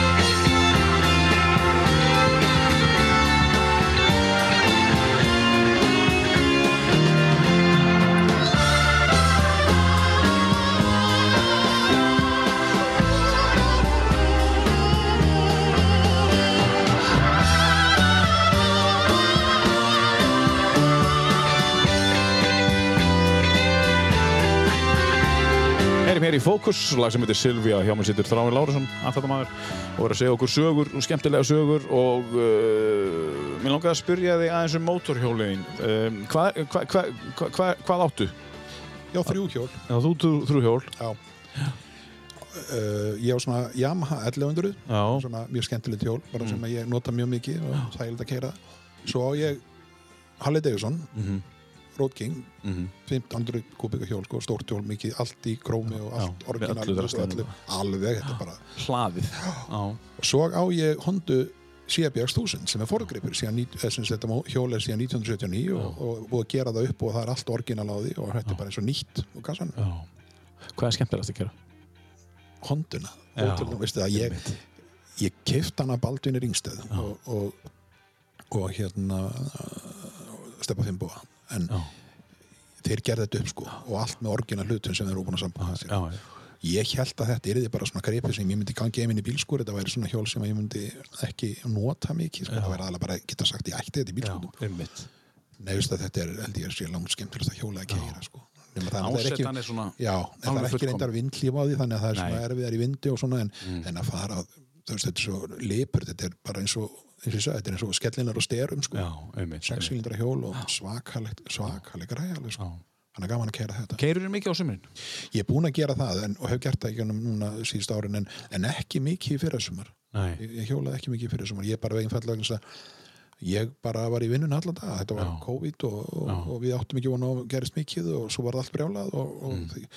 Og ég þurfti að fara niður á gólfið að vinna Já. sem ég hef ekki kannski verið að gera svo mikið af fundaferðinu meðalega bara bak við skrifbor sko. Já. ég þurfti að reynilega að fara inn í eldhús og, ég var bara ekki í keinslu hæfa ástandi myndi ég segja bara ég, þetta var erfitt sumar, mjög erfitt ég var mjög lengi efna mig Já. Herðu, um, Tjekkland. já, Þú fluttir þangað eftir ekki þannig. já, ég kom heim í, í, í, í smá tíma og var eh, tók hann mér hérna að reyka hérna veiðhús við Hafjarðará og við sumari Já. en í millitíðinu hefði ég ráðið mig í Tjekkland þannig að sko ég eiginlega þurfti að setja Tjekkland og hold fram á haustið og fór svo þangað fyrsta september og, og var þar svona hraustlega fram yfir árum og þá eiginlega rifti ég samningum og fór heim Er það líka veitingastafur? já, Já. Ertu, ertu maturislumadur? já ég er maturislu meistari Maturislumadur, já. meðal annars, já Ok, og þú riftir þessum samning og hvað gerist í Tjekklandi? ég var fengið að til þess að svona svona eins og í gæðastjórnun og á eldhúsi og, og, og, og þessu öllu og komin í rétt og eitthvað svona. Svo bara einhvern veginn varði ég lendi í því sko þetta var alveg afskaplega góður eigandi sem átti hennar stað. Mm -hmm. Þóri Gunnarsson, mikill aðlingur og eiginlega bara allt og góður. Staffið kannski var ekki alveg að svona Já. þannig að hann svona ég, en ég bent hann ímislegt sem að betur mætti fara og hann tók svona á sömu hlutum, aðlilega sem voru kannski alveg út í kú en, en kannski var hann aldrei eitt voru mikið tilbúin til að breyta uh, því sem að kannski hefði þurft að breyta í matselum og svona, bara mm. þetta rók gekk en það sagði líka við hann, af hverju er þetta breyta þessu, þetta er, þetta er brjála að gera á þessum stað sko. Hvernig, hvernig, hvernig staða var það? þetta var bara svona ég þetta var bara svona staður eins og greifin eða bautin bara alveg bara, bara brjála að gera það sko. Þetta var náttúrulega, er bara var við Karls brúna þarna, Já. og þannig gekk bara Evrópa, bara haf af Evrópabúum bara framhjá þessum stað á hvernig einasta degi. Út? Það bara, já, þetta var bara, þú veist, eftir göttunni og, og þetta framhjá og þannig að þetta var alltaf fullt á þessum stað brjála að gera. Og hvað gerist? hverju er yftir samlinu sko, ég verð að segja sko, ég held að Prag sé svona með fallir í borgun sem ég komið til alveg afskaplega fallit og skemmtir í tónlist og Mm -hmm. ég var ekki eins hrifin að íbúinum sko. Þeir voru ofsalega á þessum tíma þetta er náttúrulega rétt eftir byltinguna, flauðsbyltinguna þetta er ég hérna sko 95 Já. sérstakur tími landi er að koma úr kommunismannum og, og allir voru svona bitrir sko. Já. Og þú veist mikið af fólki sem var mjög bitur vegna þess að hafa kannski lagt allt sitt í þennan tíma fyrir sagt, Og tapa miklu. tapa miklu og, og þú veist allt henni stóða bara átt ekki neitt þannig laga, hafa alltaf verið bara upp á ríki komið sko Já. og unga fólki var svo hins vegar kannski hugsandi öðruvísi en, en samt sem áður uh, og uh, menn heldur gjarnan að ég væri þjóðveri svona utan sem þekktum ekki til og þjóðverjar voru ekki þóla vel inn Nei. en Af hverju heldur fólk að það voru þjóðveri? Og, það er rosalega oft sem að uh, okkur er grugla saman við þjóðverjar þar sem við komum íslendingar Ok. og kannski er það vegna að sé alltaf svo ég er ekki dvoðalega svona brósmildur alltaf, ég get verið svolítið þungur margir sem alltaf í þessu hálgiru óalega fúll og maður hefur kannski er ég það bara, nei, nei, Nei, ég- alls ekki. en sko ég er bara alltaf þannig að ég er verið mjög oft fyrir því að fólk heldur í sig þjóðveri sko. Svo, en svo, hvað, svo það sem gerði kannski úslæðis var það að ég var þarna náttúrulega fengið til vinnu og ég var náttúrulega kannski ekkert að háu kaupi með Ísland, á Íslandi en jú, mjög góðu kaupi og fría íbúð og, og, hafi bíl og nema hvað að, að ég, ég var með hærra kaup heldur en allir aðri starfsmenn til samans í eldhúsinu sem voru ansi margir og stór já. og svo var það þannig maður sem að að- að indislegu kall sko sem að vann þannig á skrifstofinu hann lekur þessu í staffið og Já, já. Það var ekkit verandi þarna sko. Ég, veist, staffið það var þarna veist, ég fekk bara fólk upp á þetta, ég var náttúrulega mjög eins og ég segi harður og, og, og, og veist, kannski svolítið rókafullur og kannski það sem gerir mig að þjóðvera, ég veit það ekki. Ég, ég get sagt þér eina góða sögða þessu til dæmis svona kannski hvernig mínu vinnubröð voru þarna þegar ég kema þá það var alltaf súpa dagsins. Mhm. og hún var elduð á mótnana og var í risastónu potti og stóð á svona gas uh, kolli, það er svona, þetta er eins og kolli sem maður situr á, það er mm stærri breyðari og með gas í og, og svo er í svo stór pottur þessu. Og þessu, já, þannig að veist, það, í þessu var elduð súpa dagsins. Og þegar ég kem að þá var þetta svona típisk súpa eins og það er gjarnan hjá, hjá slavneskum þjóðum og, og, og, og, og, og sömum að þessum germinsku þjóðum líka þetta er nöystikt eins og grautur. Sem ekki, þetta er bara kveiti þetta er náttúrulega bara þetta er kveitisúpu, kveiti börmanni það sem að kveiti og olíu eða kveiti og, og feiti er blandað saman og þykkt með því og svo er þetta haft nöys þykkt þannig að þegar borðar þetta þá er skeiða fyrir líku eftir í súpunni þú kannast kannski við þetta stundum hefur þetta sérst þetta var stundum svona í Íslandin í Eldgalanda Mhm. ég var alltaf að reyna að fá til að hafa súpuna miklu þinnri Mhm. sem að væri ekki hefðlilegra vegna þess að þessi, þessi, þessi, þessi glútengrautar eins og ég kalla þetta, er, þetta er afskaplega óholt og, og líka sko. Já. Uh, þetta gekk mjög illa að fá það til að gera þetta og einhvern tíma kem ég og ég er eitthvað geðvondur, kannski þunnur eða eitthvað, ég kem í vinnuna og, og, og það stendur stór pottur á, í hotninu fullur af, af svona glútengraut og ég missi mig eitthvað og rak allt staffið inn á kaffistofu sem varst varðin rétt hjá lítil kaffistofa. Rak allt staffið og eldsum þar inn tók pottin og dróð hann eftir mér inn í kaffistofuna greip kústin, kúst á leiðinni Já. tók svo kústin stakk honum inn í súpuna og bar súpuna á veggin þá fór þeir að hlæja Já, eins og máling bara. já, þeir fór að hlæja að mér sko af því að nú var ég kallin hún endalega brjála Já, nú er bara að missa. já, nú er ég búin að, að missa og nú er ég bara lausið við hann sko síðan tók ég dagblöð sem voru að það kaffibórðinu og, og selt, slengdi þeim á súpuna Já. Á veggin. já, svo sagði ég við þá býði í svona fjóra tíma og takk þetta og svaf þeir hlóa ekki eftir það Nei, hart. hún snar þyndist, þú var miklu þynnri eftir þetta Nú, ha? Já, sko, í rauninni, ég lærið það sem krakki, sko, að því að það minn Lári Sóknarsson var bókmyndari og það er notað sem ekki kveitilím, sem er ekkert annað bara kveit og vatn. ef, ef þú hérna sam, hrærir saman kveitu og vatn og síður upp á þá fæði þetta fína lím. Og ég, þú veist, mjög gott að nota þess að þú ert að vekkfóðra og slíkt, þetta grjót heldur, sko. Já, já. Sem þú varst farin að gera þannig. Ég þarna gerði ég bara, ég notaði bara súpuna sem kveitilími, sko, Já, já. bara þetta vekkin og þá áttuður sig á því raunilega hvað þetta var, hvað þið voru að gera, þetta var bara lím. En breyttist eitthvað? Já, Já. það breytist við þetta. Já. En hvort ég breytist aftur tilbaka því ég var farin, ég veit ekkert við það. Þeir heldur kalla liða að ég væri alveg búin að missa. er ég búin að missa. Þegar þú ert búin að vera mikið helendis, þú heitir Þráin. Já. Hvað kallaði þér? Hva, hvernig, bera, hva, hva, hvernig segja Ég hef bara alltaf haldið mér við þetta bara, bara þráin. Se, en hvað segja þeir? Það eru Alls konar. því, já, já. Já, er gjarnan kemur alltaf boss. Já, boss, já. Og það er núna ég er með mikið útlendingum í vinn og það segir engin nafni mitt, bara alltaf, Já, eitthvað annað. já. Já, já. Þú veit, þú kallaði bara náttúrulega hvað sem er. Já, Já, ég bara, veist, ég hef bara alltaf haldið bara við þetta þráin, Já, sko. Þráin, já. Ég man, ég lætti svolítið basli þegar ég bjóð til Nóri að þá notaði ég té í staðan fyrir Já, Þráin. en svo þegar ég var náttúrulega komin í þessi önnur lönd að þá, þetta var ekki skald með tölvupóstana sko, Já, já. þá fór ég náttúrulega TH sko, Mhm. það munur á því Mm Þú bjóst í Nóri líka. já, Hvað er í Nóri? stammangir Stafangir, já. Herru, tökum, uh, já, margir vilja kalla hann Megas uh, bandaríkjana. Þannig að hérna, ég veit ekki akkur, en stundu kallaði það, en, en, en segja okkur eins og næsta. það, er- það er ekkit uh, kannski, jú, jú, þetta er hann, hann kannski mörgulegt má fæna tölvöld samanleitt með það sko. allavega ég heyrði hann einu sinni kynntan í útvarpi sem country og það var ég nú frekar, fór nú frekar fyrir brjóstið á mér Hlustar ekki að country Nei, þetta er svona eina tónlistin sem ég kannski svona, en samt sko, hvað er country sko, ég Já. hlust á Eagles maður. Já, þeir eru country skotnir já, já, já, það er en ég er ekki Nashville country, nei, guð. Nei, nei. En þú ert búin að hlusta á þennan gæja Já, lengi? Já, ég er búin að hlusta þennan í, í uh, síðan svona, já, einmitt kannski upp úr þessu tíma sem ég fer frá svona, þá fór ég að veit honum aðtegli hann, var reynda, hann er reyndar mjög tormeldur sko, á köflum og hann á mjög skrítin tíma hann kringu 1990 og, og framundi 2000 þá fannst mér að koma svolítið baka sko. þetta lag er mjög gott lag með honum. Þetta er ágætlega þekkt lag en ekki samt langt því frá að vera þekktasta lagið hans. En þetta er heldur ekki, þetta er ekki dvola tormeld sko. Nei en nafnið er svakalegt. Já, titillin er alveg bara sko Christmas card from a hooker in Minneapolis. Já. Það er eins og hann segja að segja sko einhverja sögu um eitthvað sem hefur gest hann er segir sögu sko, til Já. hann, er, hann er gríðalega flottur s- sögumæður eða semst í, í, því sem hann er að gera. Hann byrjar að segja sko einhver þessi óléttur. Eða eitthvað. Já. Hlustið hans á Tom Waits og hlustið vel á textan í svo leið Þetta er á topplistanum hjá Þranni Charlie, I'm pregnant, living on 9th Street, right above a dirty bookstore off Euclid Avenue. Now stop taking dope, I quit drinking whiskey.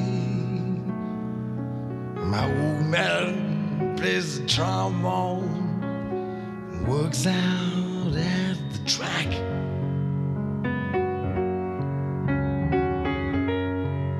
He says that he loves me, even though it's not his baby.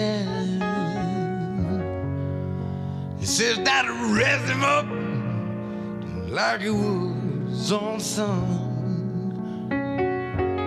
He gave me a ring that was won by his mother.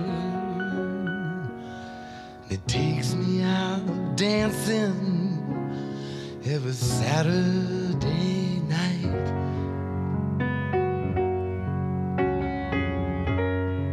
Hey, Charlie, I think about you every time I pass the filling station.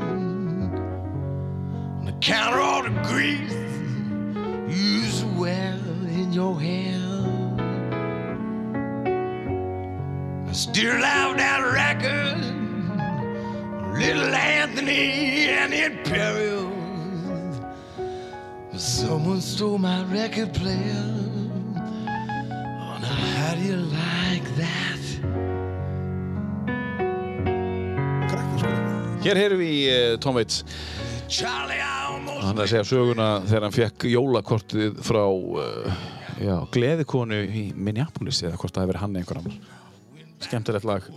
Þú ert nú búin að stúdera Tom Waits alltaf þú ert, þú ert ekki með hittarana nynni, þú ert með þetta þannig að því þú komur svolítið langt inn í artastan ég, uh, sko, ég, en sko ég var alveg viðkjann að ég sko því miður þá hef ég hlusta minna á núna undarfæri heldur en ég gerði hérna tíðanbili sko. Já, einhver ástæða?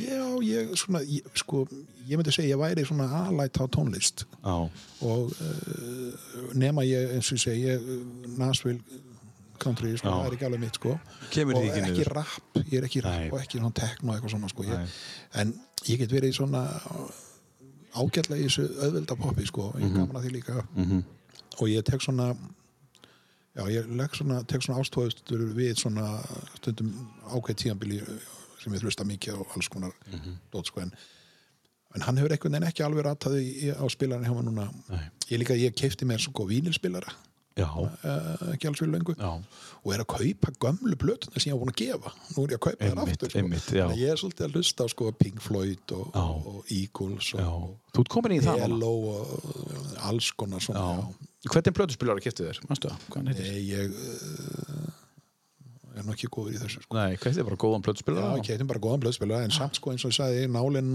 eftir aðalatrið sko. Mhm. Svo átti ágætt græjur sko, mjög fínar græjur sko, sem ég keipti held ég frá einhverjum á Akranis Smá magnari og- já, mjög góð magnar og hátalara sko.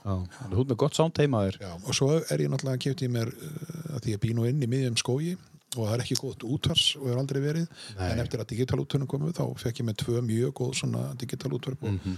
og þar getur hlustað útvörp og, og svo Spotify, ég er mikið á Spotify Mhm. og það, sko, Spotify finnst mér að vera algjör himna sending því að Já. þar kemst maður í allt þetta gamla góða og einmitt. sko það ég tekst undir nostalgíu kvöld sko, Já, sitt bara í. Spotify, lust og lust og þetta svo fer ég út og kaup blöðnar sko Já, já. ég er nefnilega held að sko Spotify hvetur ekkit síður til blötukaupa en, Nei, ég er alls saman. sko, en þú getur hlustað allt í Spotify þú kaupir sumt, þú kaupir ekki allt sko, kaupir Ja. Þú kynnist uh, hérna tónlistamönnum og tónlistafólki í Spotify og þá, þá þú veist, í grúski og Já.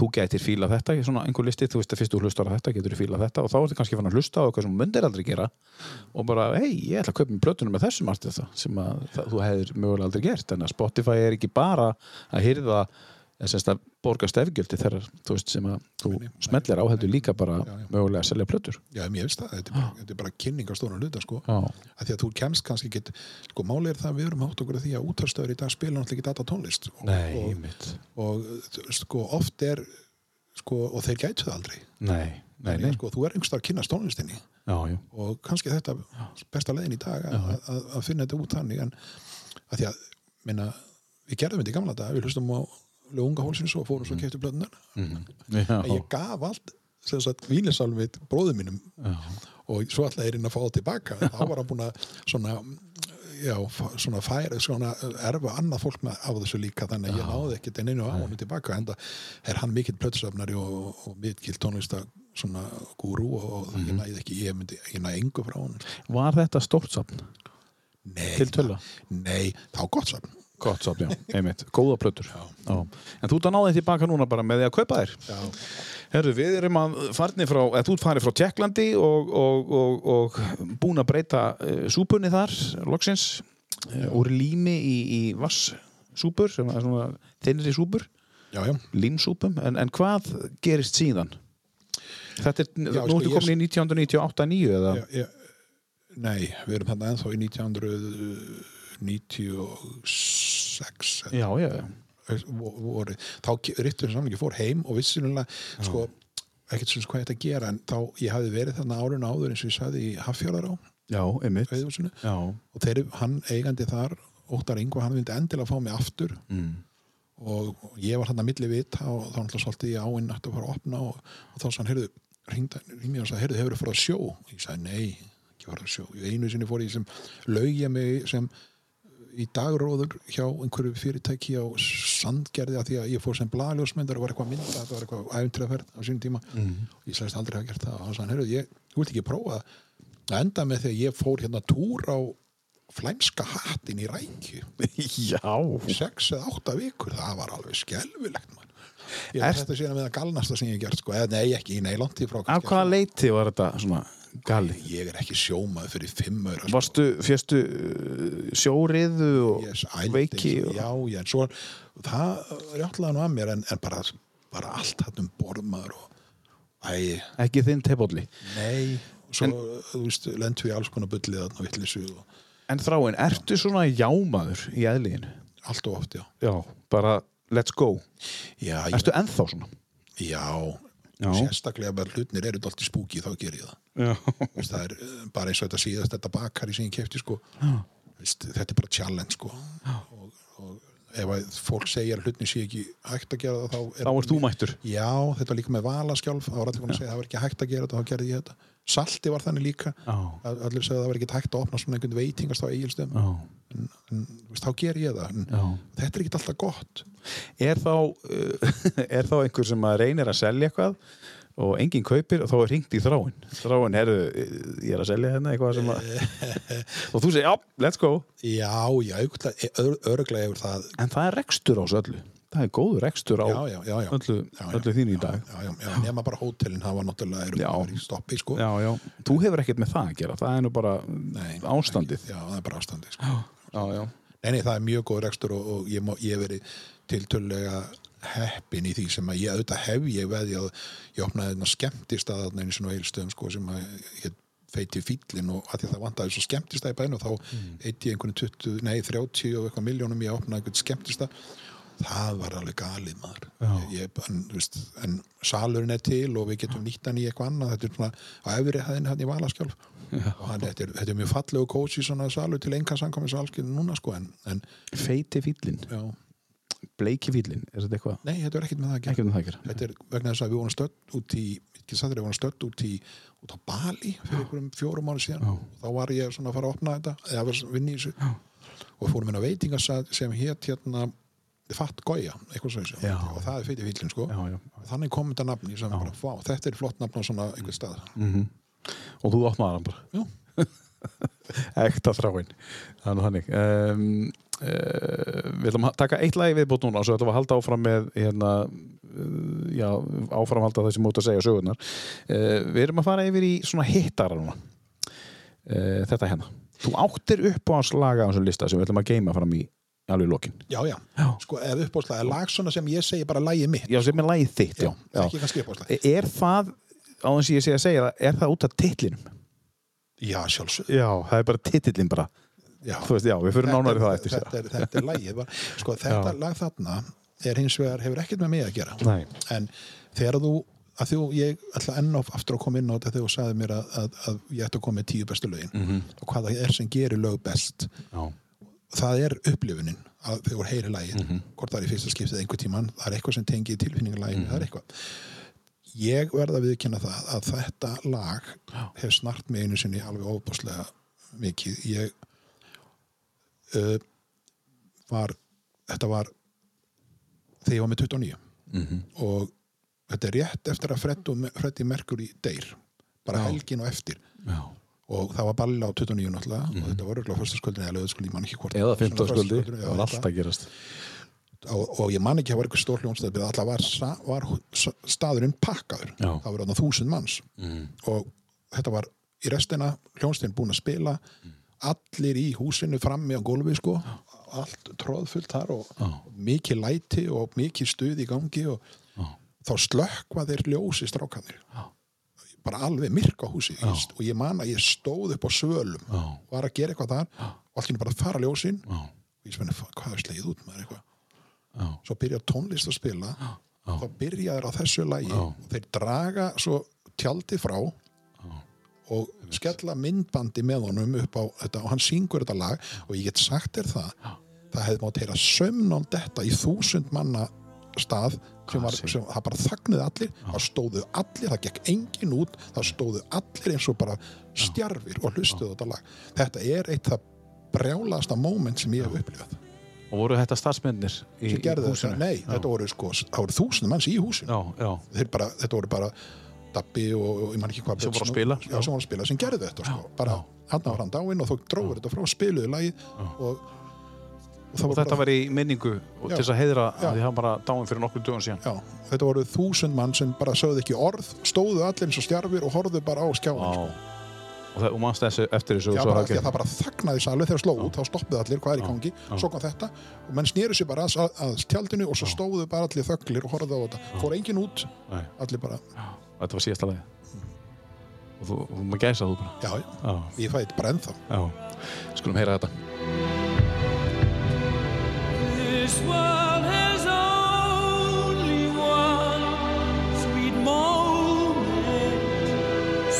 Aside for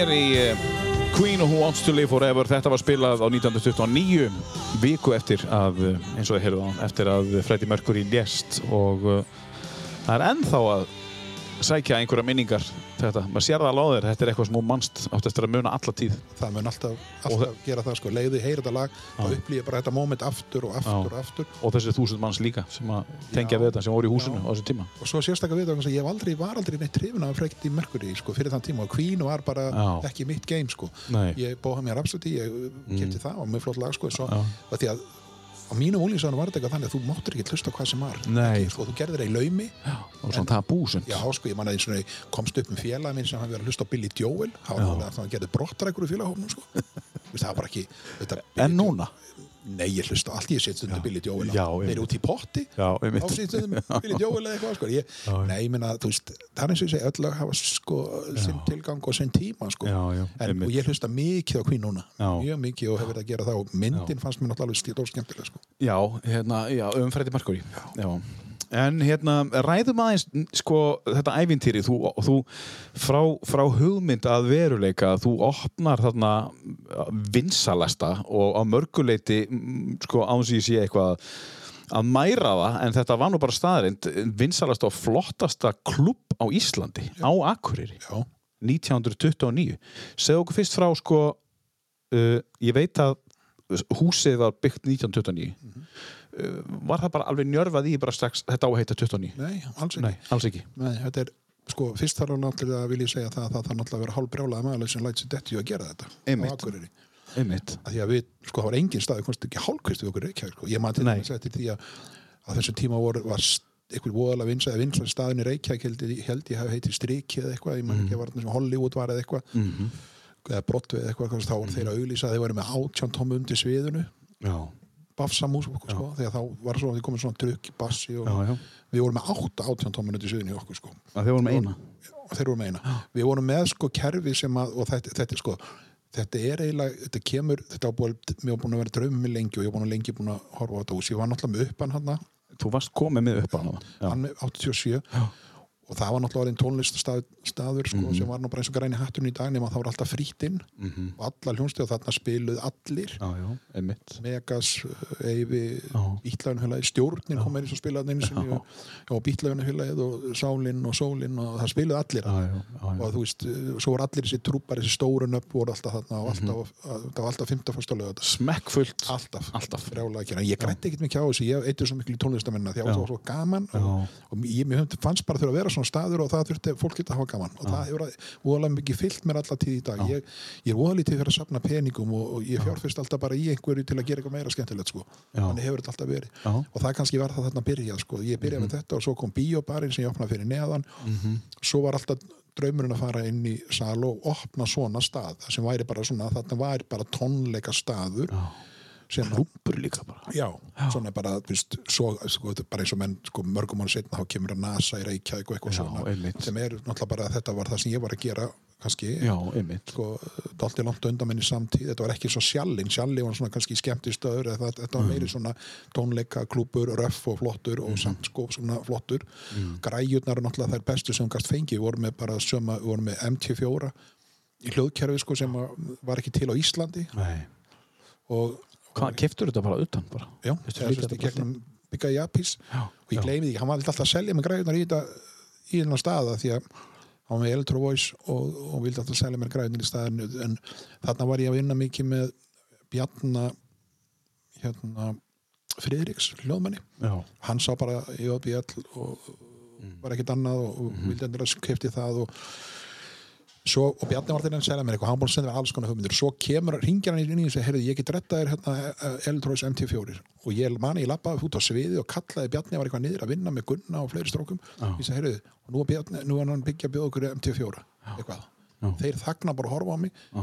þetta var náttúrulega toppurinn og öllu, sko, það voru, hvað er MT4 fyrir þá sem ekki vita? Þetta er bara hljóðkerfi sko, hátalarkerfi, sko, þetta er sama og Prince nota á tónleikum. Já, og þetta var græjur sem að sko, þú, þú veist, þetta var ótrúlegt sound, ótrúlega, og svo kefti við náttúrulega magnan í þetta allt saman og, og svo langaði mig að nota því bíótjaldi á nýja bíó sem var náttúrulega rosalega stórt. Þannig að voru við búin að vera að nota svolítið frammi á pöppunum svona náttúrulega þessi myndbönd og svona. Og það var engin, magn, engin protektor sko, eða sko, hvað kallað svona sýningatæki Já, eða sí- svona já, skjávarp skjávarpi, sem já. var nógu stór. Já, svo ringi Big í mig og segir það er að, var að koma marka núna út í Japan frá Panasonic græða sem getur gert þetta. Já. og þann kom bara með DHL þetta var bara rétt á hann að fórum að opna. Þú veist, ætlum að köpa annar sem var Sony sem var miklu minni. Þá kom þessi og hann var bara komið DHL og þetta var fyrsti sem fór út fyrir Japan. Kom bara með DHL til okkar og svo var sett Já, í heiminum. Já. Já, og þetta var, s- mag- þetta var græða sem gat séð um 24 fermetra sýningatjald ótrúlegt þannig að þetta var bara eins og risastórt bíotjald með þessu á sko. Já. þannig, og, Og í svo, toppgæðum já, og svo voru náttúrulega með mikið ljós og við vorum með ljósa tölvu sko, sem að, að, að Björn gat Mm. fekk mig til að kaupa voru með Mhm. svo voru þarna með Sævar Guðmundsson hérna Já. kvikmyndar. hann sleit nú, baskónu þarna líka Já, hann já. var svo kottnungum mátti ekki vera hann inni og þarna við vorum með, tókum allt upp á vídeo og skelltum upp á tjaldið meðan að hljónsnæðum voru að spila og það voru vídeokamörur þetta var náttúrulega bara klikkaður tími sko. Og þið kliftuð sko logoðu með minni rétt inn í, inn í hérna svona, þú veist, hérna 20th Century Fox eða hérna, hérna þú veist, og það byrjaði alltaf þetta byrjaði Já, þá, er, þú veist, og í rauninni var það sko það sem var gerðum var það að þegar að staðurinn opnaði, hann opnaði held ég hálf tólf Já, þá byrjaði fólk að týnast inn. Mm þá var röð sko. Ha, já, já, Já, það var alltaf röð. Já, og svo var það einhvern tíma svona bara upp úr tólf það spiluðu bara lítla músík. Þá við vorum ekkert búin að setja kerfiðamli í gang sko. Nei. svo gerðum við alltaf þannig að svo ákveðin tíðanbúndi þá var slögt ljósin. Og svo bara sprautur fullt að reykinn Mhm.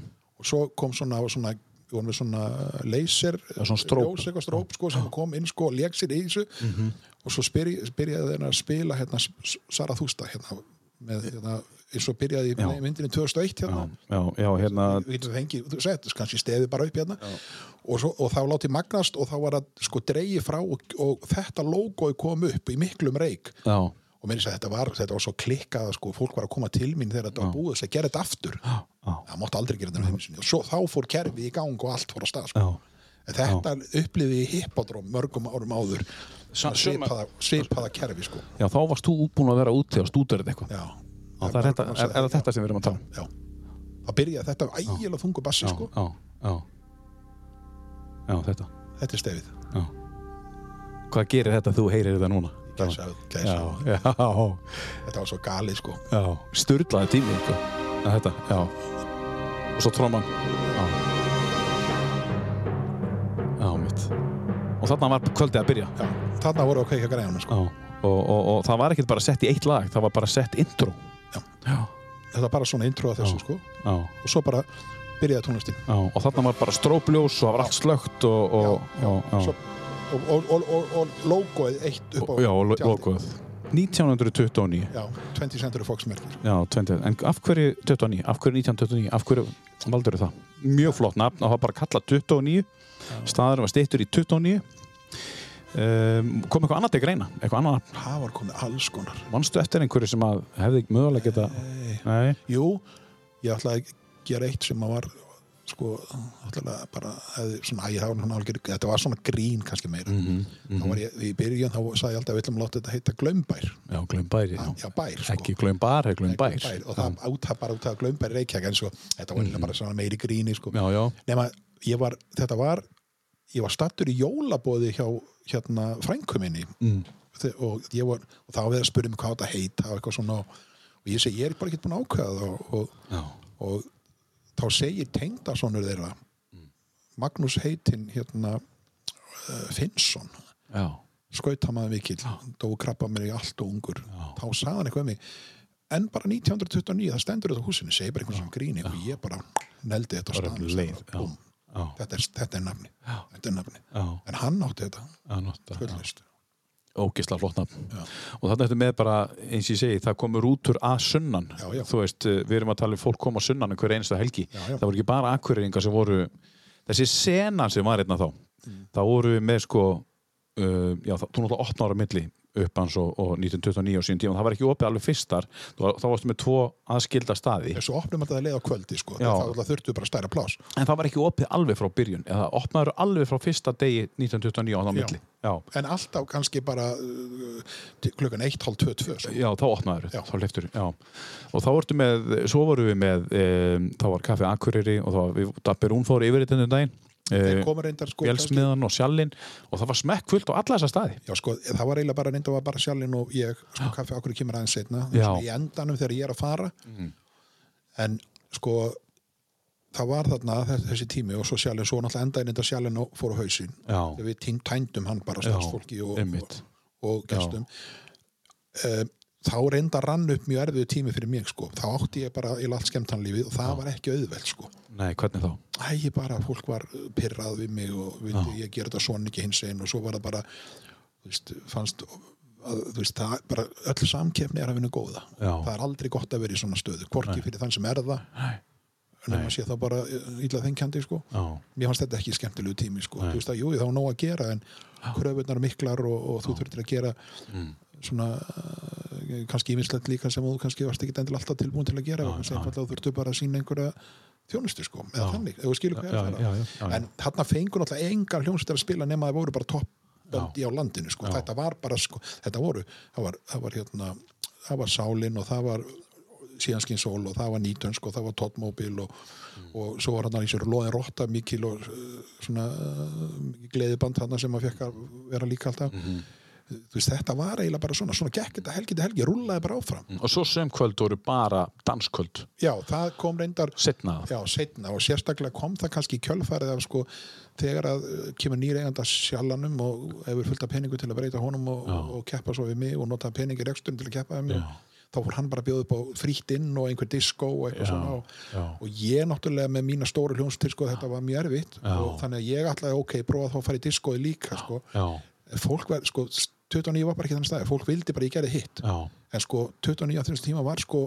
eins og bara átjánhjóla trökkur í hálku þú stoppar hann ekkert á punktinum sko. nei og þú verður að gera það grein fyrir því að sko á þessum tíma á kostaði bara 600.000 að setja í gang á kvöldin Já. með við tæknumenn og dyraverið og allt þetta. Bara setja í gang. já. Já. og svo bara ferði ekki allt í breyti þeim staði í eitthvað svona já, diskoklub, þetta er bara ekki þannig staður og fólk, fólk bara allast til að 29 sé bara til staðar þegar það þurft á að því halda til að fara á hitt en ég er náttúrulega bara einn einstaklingur gæti ekki staðið í því og, og, og, og, og því fór sem fór sko. Ég meina, þetta var bara gekk rosalega vel um tíma. En svo þegar þetta gerðist með þessa samkefni sem ég var að nefna ráðan að þá, þá hérna, því að hún var ekki heilbrið sko, hún var óheilbrið sko, Já, já, já, hún var mjög óheilbrið svo var ég bara honum þreyttur. Hvað var þetta langur tími? sko, Hvað var þetta mörg ár? 29 var uh, voru reyndar sko sjálft há tíminn á 29 var ekki nema sem ég var með, hann voru ekki nema rúm 2 ár sko. en allir tíminn voru 6 ár sem ég var með sko uppan og þetta allt saman. Mm manni finnst þetta mjög lítill stuttutíma ef maður horfir á þetta í núinu. Þegar maður verður svona fullorinn þá líður tíminn svo rætt sko. Já, en ég verði alveg að viðkenna þetta, mér fannst þetta langur tíma og ég voru hann mjög þreyttur sko, en það voru sex ár þá unni okkur um einasta deg alla dag, Alla daga.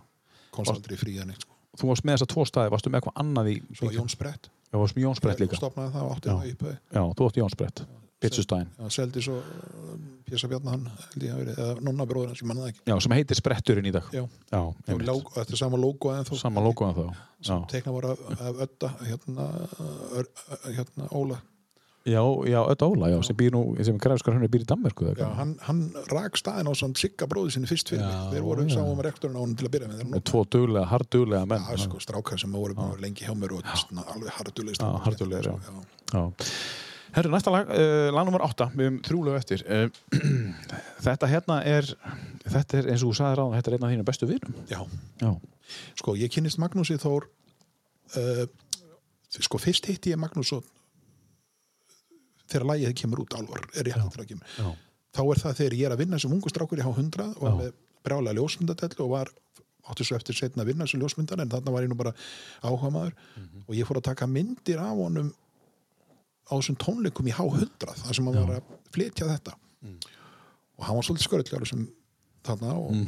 hann að fá sér svolítið á þetta var þeim tíma sem hann, hann Fekk sér aðeins? já, fekk sér aðeins sko Eitthvað annað en kaffi? eitthvað, já, já, og eitthvað annað en drikk sko Já, já, já, og, einmitt. og, og þannig hann var alveg hálf galinn að manni á þessu eftir og ég menna hann lagði ég menna hann, hann lagði álög á staðinn og, og, og litla sko Bíddu, hvernig þá? Já, hann bara, að hann varði eitthvað ósáttur sko. Já, já.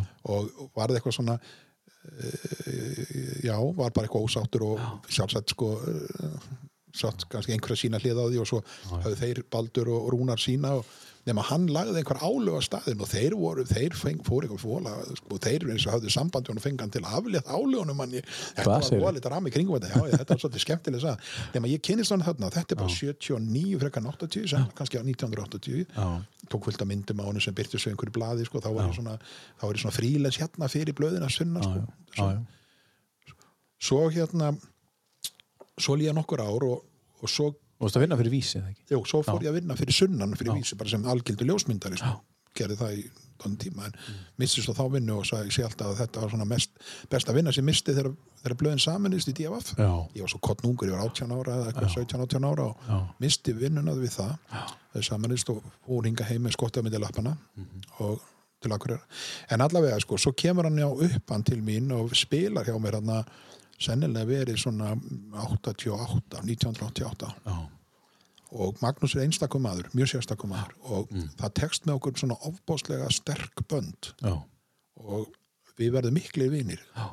og svo þegar allt fór nú í skrúana hjá mér hérna á Akkur og ég er höglegast nú svo reykja ykkur Mm. og, og tíðanbila því ég fekk hvergi vinnu og fekk ekki aðtunnisbæt og neitt Mm. þá skaut hann yfir mig skjólstið ég bjó heima hjá honum til dæmis á lögðinum dálítinn tíma og Er ég og Þú voru það góði vinnurnir? já, já, já, já, ég gerði þá tvisa meiri svo, og það er mikil, það var alltaf mikil samgangur á mill okkar og, og, og, og, og hérna og það var einmitt á þeim tíma þarna uh, sem ég byrjaði að tala við hann um, um það að hann ætti að taka svolítið svona uh, breyta svolítið tónlistinni og sér sko fara svolítið í svona meira að því að þannig er hann náttúrulega fullonum maður og, og hætta að vera að syngja einhver falsettu eins og hann gerir oft sko já. sagði Maggi, farðu bara niður í hérna Cohen eða Tom Waits eða taktu bara röddina þína hérna og þroskaða og Já. svona pöngkast í ánum í mörg ár sko mm. sagði hann, Maggi, þú verður að geta gefðu út þessa plötur sko. svo lætur hann verða af því Já. að gefa út disk Já. Hérna einhvern tímann eftir 2000 ég man ekki alveg hvaða dagsetning á diski 2005 á hérna? 2005 Já. þá gefur hann út plötu sem heitir Hljóðir nóttin Mhm. þar sem hann tekur allar sína svona, svona margara perlum sínum og syngur það sjálfu bara með svona röddin sem ég var búin að byggja hann um að gera taka þetta bara niður á þann level sem hann er Já. og þar já þessi bara ekki og hann tilenga mér plötuna svolítið skemmtilega að segja frá því Hann tilenga þér plötu, þessa Já. stóru plötu já. Já. og þess vegna hérna, var það ekki þannig eða? Jú. Já. þannig að mér og konu sinni ég man rétt því hún var st- harður stuðningsmaður við, með mér í að láta Já. hann gera þetta Já. þannig að, að hérna, Já. hann hérna kemur svo, já þarna er þess vegna valdi ég þetta lag Álfa, lagi sem að Já. tengd okkur saman því við hittust fyrst og svo á þessari plötu svo átt hann eftir að koma, hann kemur, við erum ennþá í mikilvæg sambandi og, Mm. og þegar ég fæ þetta lendi náttúrulega í þessu skelfilegri lífsnessi, ég missi son minn sko Já. Hvenær er það? 2008 Já. þá samdi hann strax lag eða lög, tvö lög, annað til mín og annað til stráksins sko Já. og gaf út heila plötu sem bara er til einhver stráks, stráknum hún er ekki á Spotify Nei. og, uh, og það er hérna Manstu hvað platan heitir? Uh, hún heitir hérna 2008 sér það já, þetta er Páll Rós en hún kom út held í 2009 Já, 2010 já. það er Páll Rósinkrans syngur all lögin sko já, já, já, já, já. og, og hérna Og semur hann öll lögin, hann Magnús þetta er öll lög eftir hann já. er voru náttúrulega uh, endurflutt sko Mhm. en það er tvö lög og er, sko, hann samdi strax lag þegar hann dó strákurinn og, og sem hans flutti sko með Páli í hérna jarðaförunni Já. þetta lagi til sonur er síðasta lagi á þessari plötu. Já. ég reyndar aldrei haft uh, getur til að hlusta á það. Nei, ég skil það. Aldrei. Ég, en hann samdi annar lag hérna til mín á þessari plötu sem, er, sem er mjög gott líka. Ég get hlusta á það, ég get hlusta á allar það er mjög góð, þarna syngur hann hann hérna Palli líka hérna Pál Drósing hann syngur þarna lagi ást. Já. þá tekur hann öll erindin. já, veist, Ragga vinkona mín Gröndan, hún tók, slefti einu erindi til þessi annað, þriði erindi mann sem hún sleppir, en hann syngur öll erindin á þessari plötu. já, Þannig að það var eiginlega svona ástæði fyrir því ég gaf grænt ljósa að hafa þá, þá það lag á þessari plötu að því að Palli vildi endilega hafa þetta á plötunni og þetta lag var náttúrulega enda spilað í jarðaförunni hjá stráknu líka og Ragnarður Gröndan söng það þar. Já, en mér finnst bara að Ragnarður Gröndan gera þetta svo vel. Og ég sagði alltaf við Magga og Pallastarstráka ég vil ekki alveg þetta gert eftir, þetta er bara sko, sögumir hlutir er ekkert að gera eitt betur. Nei, en svo let ég undan að því að þeir alltaf að taka öll Já. öll, öll versin sko. En ég verði að viðkynna að Palli gerir þetta rosalega vel þessari plötu já, sko. já En- hann gerir, hann er alltaf fagmaður Já. fram í fingu koma og á þessari plötur sem er nú tilengu þér hérna þráin, hljóðu nóttin það er náttúrulega að segja svona, veist, við vitum öll hver Magnús Þór Sigmundsson er. Það er samt alltaf að rifja eins upp hvað hann er búin að gera á þessari plötu til dæmis Íslandalandið Mhm. um Blue Jean Queen Blue Jean Queen Play Me sem að uh, dóttir hans sem söng. Það sönd samt hann eins og við sátum saman heima hjá hann þegar hann samdi einmitt greip fyrsta stef hann gerna þegar við sitjum heima hjá hann sittur hann og spilar gítarni svona meðurum að tala saman. Já, og þá kom stef þarna sem ég sagði, herfið, stoppa og lítið spilið aftur. Og ég vil meina að það, sko, það er sko, þetta lag í þessu Play Me þarna, það er einmitt þetta er mjög rosalega fallið það var, reynda var ég búin að velja það fyrst sko. já, sem að Þórun söng Þórun Antóni já, en þannig er hann að syngja þetta sjálfur hún er rattar bakvið er mjög, En það er þetta play me. Og síðan er með jörðin sem ég ann. Þú átt mig ein, dag sem dimman átt ást, þú veist, þetta er endalust sem gæðin er búin að gera. Já, ég hef alltaf sagt, ég hef oft sagt það sko að, og það er gaman að segja frá því að sko fyrsti listin sem ég gerði fyrir hennar dag hérna, það voru þrý, þrjú íslensk lögunum fyrir Magnússon þrjá sem ég segja séu svona toppurinn á öllum laga og, tönd, og laga og, og jafnvel textahöfundum á landinu. Sko það eru sem Magnússon þrý já, já sem að sko Magnús Eiríksson, Magnús Eirísson, Magnús Þór. og Magnús Þór Jónsson Megas. Megas, já, já, þeir, þeir allir þrýr sko. Magnús og þannig ég ætla að hafa það allar með að allir, ég þekki allar kynstum öllum mjög vel. Já, Megas alveg einstakur öðlingur því kynst honum, hann spilaði mikið fyrir mig á, á, á uppannum í gamla dag einstakum aðra kynast að tala mjög fróður og skemmtilega að spjalla við hann. En þess, þeir eru bara svo á, á, á, afgerandi laga og textahönda þessi menn sko. Og en svo eru kannski má segja að það séu komni fleiri núna undanfæri við um alveg svo ofsalega góða tónlistamenn í dag á Íslandi já. og svo hefur svona snillinga eins og, og, eins og hérna hann Braga Valdimar Já, já. Já. Já, texta- snillingur ég bara, hann er, hann er bara hann, snillingur sko Já, hann er svona tók við að Friðriki Hreinsinni Friðriki hérna Já. Hreinsinni, heitir hann ekki Friðrik Hreinsson sem að nei, hann er hérna Kristján Hreinsson, sem var nú texta snillingur og hann spilaði, hann samtíð sem fullt af lög og plöt sem hétt Friðrik reyndar. Nú, það, það er að ruggla mig. Sem að með hljónstinni Friðrik. Já, það er það sem er að ruggla mig. Við ætlum að heyra eins þetta, þetta, þessa útgáfu af, af álfum sem að, sem að er á listanir Álvar sem forðast illa menn En minningar lifa sögunum Vonandi byrtast þeir bráðum á ný. En hver glataði frið? Hver líst yfir stríði? Hver vildi fá meira En móðir í jörð gaf?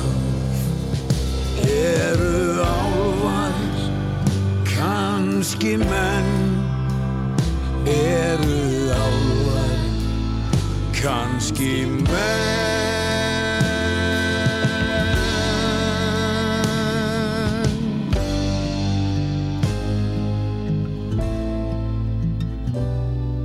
En fá þeir fyrir gefið Fá þeir allu gleymt Fá þeir snúið aftur. Erum hér í Magnúsi Þór og, og, og þessi plata sem við töluðum um áðan sem var nú samin sérstaklega fyrir þig og, og sondin heitinn Mhm. þessi plata eh, er ekki hægt að setja hana eða viljið þið kannski setja hana á, á, á Spotify Jú, jú, ég er búinn að byggja Já.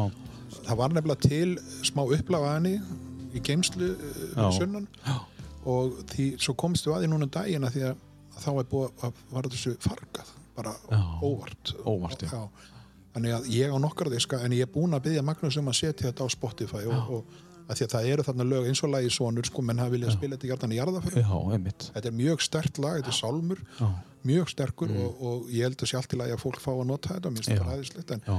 En þessi platan sem stáð gefin út í minningu hans og, Mhm. og, og, og, og þannig eru líka fullt af fallegum perlum sem Magnús hefur samið. Já, já, já, einstakur. Hefur þú komið til hans í, í, í til hverageris? Já, ég er búin að vera með annan fótið þar mikið. Þannig að þú veist uh, hvað við erum að tala um þegar við erum að tala um kaffivélin hans.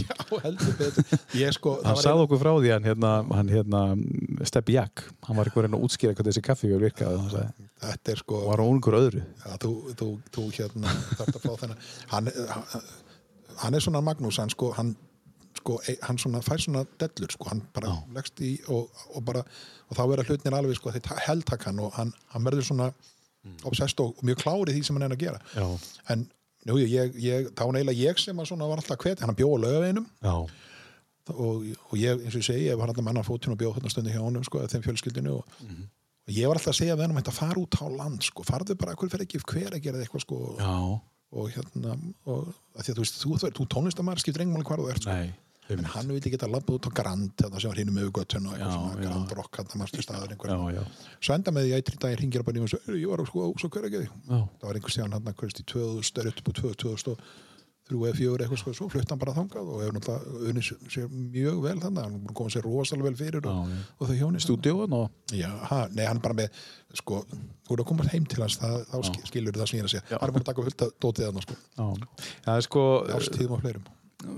Fluttið til þið er það góðu vinnir hann, hann greina hlustar á þig, hann, hann, hann breytti um söngstíl. Já, hann ringir, já, oft í mig til að fá mig til álits og tónlist og ýmsu svona. Já, ég er að meina það já, sko. já, já, eru það góðu vinnir já, en hann er eins og ég segi sko, þrengsta hóp alveg Já, já, já, hann og, Já. og við tölum báður um það að við erum sko svona innum, ég er hans, hans, einn af hans nánustu vinnum og, Já, og hann er einn af mínu nánustu vinnum já, þar. já, já, já, já. Svo er náttúrulega fleiri vinnir, svo Eyvi sem er komin eftir hefur alltaf verið svona miklu uppáldi hjá mig við brölluðum í ganlanda og fórum í Kjellingafjöll og Já, Tvísar já. og gerðum ímislegt saman já, já, já, já. sem ekki er fegavandi eftir heldur. Nei, ja, skulum, það er spurning hvað hva hann áttur að láta, láta út úr sér hérna á eftir En við áttum ofsalega gafa tíma saman ég og Eyvi sko, skemmtum okkar ægilega vel. Já, já, það verður gaman, það verður gaman. Um, Við hefum tvö lög eftir þráin Já, um, Önnur þeirra er uh, söngkona og svo er það uppáhaldslægið þitt sem að ber titilinn sem að er sungin basically um þig. Þú vilt meina það, já, sko þannig. Já. en það, það er kannski ástæðan. Uh, Já, ég, sko, þetta er lægið og það er svo, sko, sko veist, það er svo langt síðan ég er búin að sko, ákveða, mér fannst bara þegar ég heyrði þetta lag fyrst, bara sem ungu maður þetta hef ég heyrt það sem krakki örglega og þetta er þetta gamalt lag og, og heyrði það, en svo var það einhvern tímann, ég man að ég sat á, inn á svona bar í Egyptalandi þegar ég bjóð þar. Og búin að náttúrulega upplifa allt sem ég er búin að upplifa og Já. gera allt sem ég er búin að gera. Og þá heyrði ég þetta lag með honum og náttúrulega heyrði þetta ofta en fór svona hlusta við og hugsa mér fokk maður, hann gæni bara að syngja um mig maður Já, hann er að syngja um þig, þetta er bara beint til þess að syngja bara fyrir mig eins og Já, ég myndi syngja þetta sko, já, syngja. já, já. ég hef búin að hafa mikið álit á þessum söngvara sko. ég Já. minna þegar strákarnir voru hérna ég hafði gaman að New York, New York sko. Já, já, og, og, og ég man einhvern tíðan alltaf að mana mig hérna einhverju ársáttíð eitthvað Dabbi Rún og strákarnir og setju New York New York alltaf og setja mig í hérna svona karaoke maður ég hef aldrei geta gert neitt þannig að ég var svona eins og í bjáni og gæti ekki sungið þetta en En þú reyndir? Nei, ég reyndi ekki, Nei, ég reyndar reyndi ekki, nei. ég fyrir ekki að syngja fyrir starfsfólk. Nei, nei, það er rétt. En við, við, við, það kemur í ljós og eftir Þú mátt alveg gíska núna, hlustandi góði, hvað það er sem við erum að tala um. En mér langar að stökka aðeins til Mexíkó. Já, Við þurfum aðeins að ræða hvað sem gerist í Mexíkó. Nú erum við búin að vera í Egiptalandi, Spáni, Ítalíu. Eh, Við tölum og þú fluttir til Norex í Stavanger og þú varst þar í einhver tíma. Svo Ísland, tvö ár, svo Tjekkland Og nú erum við að fara til Mexíkó. Já, það kom til vegna þess að ég var að skrifa bók Mhm. og skrifa bók um krydd. Já, Fekk þessa hugmynd kringar 1997 og kom út hjá Mála menningu 2001 eða 2000. Ég er að vera svo gammal í maður. Sko. en þó þú skeikir um eitt ár, það má alveg Hvað heitir bókin? Hún heitir bara krydd, upprunni saga og þetta er mjög, mjög, mjög merkileg bók og margir vil nú meina að það hafi ekki verið gefin út svona bók á ennsku sko. Þannig að það átti svo að þýðana meiri en svo fór þarna allt í skrúana og þeir stopnuðu þarna ettu og þetta lendi eitthvað þetta milli Já, stafsögur já, já. Þannig að allavega bókin kom út og, já. og, og, og þetta er mjög góð bók og ég er mjög stoltur af henni. Já. það tók mér mörg ára að, að skrifa vegna þess að ég fór út um allan heim og skrifa þetta allt. Sko ég sagði ekki við tölvun og skrifaði það sem ég las upp á þar. Ég fór og kynnti mér allar þessa hluti. Svo var ég komin til Noregs og fyrirhundi kona mín var í hótelstjóranámið þann úti og ég var alltaf bara að skrifa bók um Osta á þeim tíma sem að reyndar aldrei komið út en, en handritið er til að hluta til og, og samt fleiri handritum sem ég á til og Þú skrifa mikið? Já, ég gerði það á þessum tíma. Ég, bara, ég, ég, svona, ég tel mig vera að tala mikið ekki fræði mann þegar það kemur á mat, sko, Já, já. matamenningu, ég veit mikið um matamenningu. Og, en allavega, sko, svo var ég bara hann að skrifa í stafangur og konan orðin þreytt á mig. Ég fór aldrei, jú, ég fór út að hjóla svona til að reyja með þess, en Mhm. hitti verið ekki nokkurt mann, sko, enda með hún rak mig út og sagði mér að fá mig vinnu, Já. bara til þess að umgangast fólk. Já. Og þá fór ég eitthvað sko hitti hálfvillisann Amerikana sem var hérna með veitingastæði í miðbæði stafangar. Kolvitlu svona Nei, þetta var fýtt kallir, hann var alltaf svona spes og, já. og, og svona skemmtilega vitleik sko, er, svona örglaður og hann tók mig upp á sína arma og ég fór að vinna hann hjá honum og, og sem yfirkokkur og tók sko það var svona mikil fjúsjón hann hjá honum og þann kynnti mig fyrir Mexikosni matager Já. sem að við Vesturlandabúar þekkjum ekkert. Þetta er bara Tex-Mex sem þið þekki hér sko. Já, þetta er ekkert á lítið skiltu Mexiko sko. taco. Já, þetta, já, þetta er bara en þetta er svo allt, allt öðru í að kemur til Mexiko allt, allt, allt, allt öðru í sig það er ekkit það er ekkit, myndi, Íslendinga myndi engit endilega stökk á alla vagna þegar kemur að Mexiko sem matager, Nei. hún er mjög, mjög, mjög flókin og, og getur verið mjög tormelt og alveg svo kínuðis matager sko. hún er ekki þú sem við þekkjum sem kínuðis hér sko. Nei, er allt, allt annað en þetta er að kynast því að færi til Kína sko. Já, en allavega sko, það sem að hann kynni mig fyrir Mexikomatur og ég sá náttúrulega að ég var að gera stór mitstök í bókinni sem að var komin í í loka vinnu ég var bara yfirfaran á svona og, og mála venning var byrjuð að vinna í henni. Þannig ég sá bara ég hefði aldrei bara nefnilega afskrefað alveg þennan hluta af heiminum þegar þetta. Svo ég bara fór upp í beintum í næstu flugvel og flög til Mexiko, fór hún á neti fann manneski þar sem heit Eliana de la Vega og bað hana, ég sé ekki sinni hvort var í kallmæra, hvern maður hún tók á móti mér svo og þá var þetta algjör snillingur um Mexiko sem matargerð, sögulega séð og í matargerð. Já, sem ber það dæmið að núna er hún yfir hérna Kúli Institute of America yfir hérna latinudildinni já, já, hún er fluttið bandaríkja núna. Já, og við, hún kynnti, hún fór með mér í gegnum þarna á einhverju viku, gegnum allt og fórum á markaðan og kynnti, ég tók miljón myndir og var fullur og fróðleik og fór heim og skrifa þetta. Já, svo datt mér í að bjóða henn og manninum hennar á Chili Festival sem við heldum í, í Noregi. Og hún kom þangað með manninu sínum, Ernesto. Og þau hérna eftir þá ferði að þegar hún, henni var ljúka þá spurðuð okkur hvort við værum ekki okkur værum eitthvað búin að velta fyrir okkur hvað ætlum að gera þegar Noreg verið búin og við mm spurðuð hvort við veldum koma til Mexiko og opna með veitingastað. Og við bara slóum til, fórum út um jólin og, og, og hérna, kynntum okkur aðstæður og fórum svo heim og undirbyggum okkur og fluttum út næsta haust og, og það enda með því að staðirnir eru þrýr já, á hvað skömmun tíma? Mjög stömmist tíma. Ég var ekki hérna í einhverja 6-8 mánuði sko, held ég að veri sko. Þrý staðir opnir á. Opnaðir á þessum stað. Reynda var eitt staður á þessum þremur staður sem þeir voru með fyrir þegar Já, við komum. Já. hann var settur inn í púki sko. Svo tveir staðir í viðbót. Já, svo tveir staður mér á aðeins nokkur La, mánu já, Hvernig var að búa í var mjög fínt fyrir mig, konan mín líkaði ekki sko. Og, hún, og það var eiginlega sko, svo förum við heim ákveðum að fara heim í frí. Mm. og þú veist, ég ger mig ekki grein fyrir því og skildi allt mitt dót eftir þetta meira að vinna sko. En þegar við komum heima þá fekk ég að vita það að hún var ekkit að fara aftur þannig ég þarf að velja milli, þannig ég fór ekki aftur út. Þannig enda ég á eigilstöðum óvart fyrir tilvílun, ég fór að leysa af þar í einn mánuð ætlaði svo að sjá um ettu hótel þarna á neskustæðum sumarið og fara aftur út en ég er þarna ennþá. Hvað, býtu hvaða árið þetta segir þú? þetta var árið 2001 Já, sem ég fer þarna, ég er búin að vera í 20 ár ég ætlaði að fara þarna í mánuð. Þú er búin að vera í 20 ár fyrir austan Vá. Þú er búin að gera helling og það er greinlega nóg framöndan hjá þér hérna fyrir austan. Já, já, það er ekki það, það, það er bara svoleiðis. Tökum eitt lag og svo ætlum við að fara eins yfir sko, mér langar að fá að vita eins og þú ólst upp hérna á Akureyri og hvar og svoleiðis og hvað er framöndan hjá þér þú veist, í, í, í, á þessu ágæta ári sem er að koma í, þegar allt er að opna. Hvaða lag er, er, er næst? Eh, Það er náttúrulega bara tvö sem komið til greina þannig við erum að tala um þetta. Uh, í þessar Hvenær kynnistu þe- henni Nínu? uh, það er dóttir langt síðan Já, og það sem að kannski mér finnst svo skemmtilegt með Nínu sko, Simone Mm. Simone Mhm. að hún er það er fyrst, fyrst og fremst sko performerinn sko Já, hún er svo rosalega flottu performer sko. Mhm. og tólkanir hjá henni eru klikkaðar sko. Mhm. og ég valdi mig þetta lag vegna þess að það er miðbyggjata lag sko, ef að fólk nú hlustar að lagi sko, Mhm. svo til enda kannski að Við- sér fólk sko, hvernig hún, hvernig hún, sko, hún, sko, hún nánast kvísla stundum sko, hún, Já, þú veist, þú veist, maður situr hugfangum maður fyrir að hlusta á svo langt, sko. já. Um, Hlustar á jazz? Já, ef hann er ekki of uh, þungur, ég er Já. ekki of mikið svona léttara þess, ég er mjög mikið, já. Svona, að þú ert með Nínu Simón og, og, og Joni Mitchell ekki að það séu jazz skotnar en, en, en en það er svona jazz skotnar já, já. Þannig að Já, hérna já. og svo eitthvað lag sem ég var búin að velja á fyrirlistanu sem ég var búin að gera, sem ég var búin að hendur svo. Já. þar var meira svona kannski svolítið blú sko. Já. ég veist hann líka mjög skemmtileg getur verið það mjög góð Já, já. Við skulum heyra aðeins í Nínu Simón og lag sem að heitir Stars Þetta er live frá Montreux í þá Fraklandi uh, eða ekki rétt hjá mér, Montreux Nei, Sviss. Sviss, já, Sviss, já They break their collarbones and come up swinging. Some of them are crowned, some of them are downed, some are lost and never found.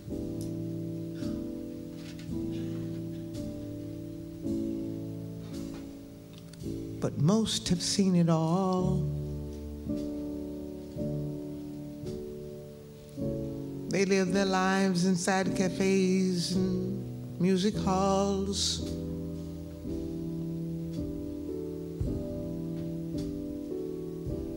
And they always have a story.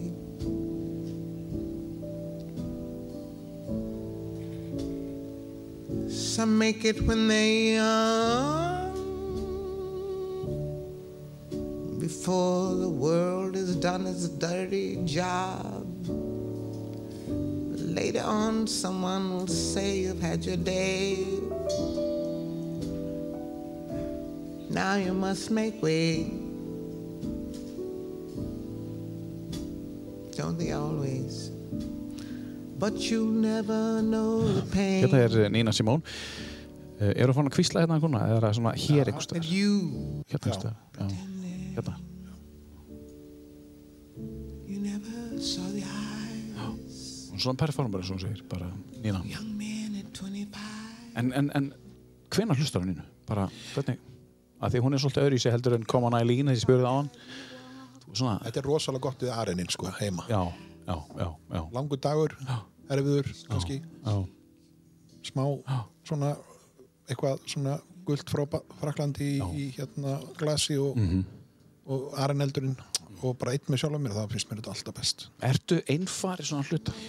Mér hef orðið það kannski aðeins með svona ég, ég, er, ég er ekkit ég er, já, ég er svolítið sé- sérstakur með það. Ég, svona, gerði það á sínum tíma því ég var hérna akkur, ég einangraði mig svolítið mikið svona, svolítið, Já, og bara ég, óvart eða? já, ég held að líka því þú veist, þú gera það, þú verður svona alltaf fyrir einhverju svona þú veist, þá viltu bara vera mikið bara kannski svona, þú, ég er með á, mjög sterkan hóp í kringum mig kannski, Já, já, en ég reyna að vera svolítið, já, og, og hérna og uh, unniðstu mig núna hún er svolítið mikið að íta mér fram og segja ég þurfa að vera svona meira svona, já, að vera, vera meira meðal fólks.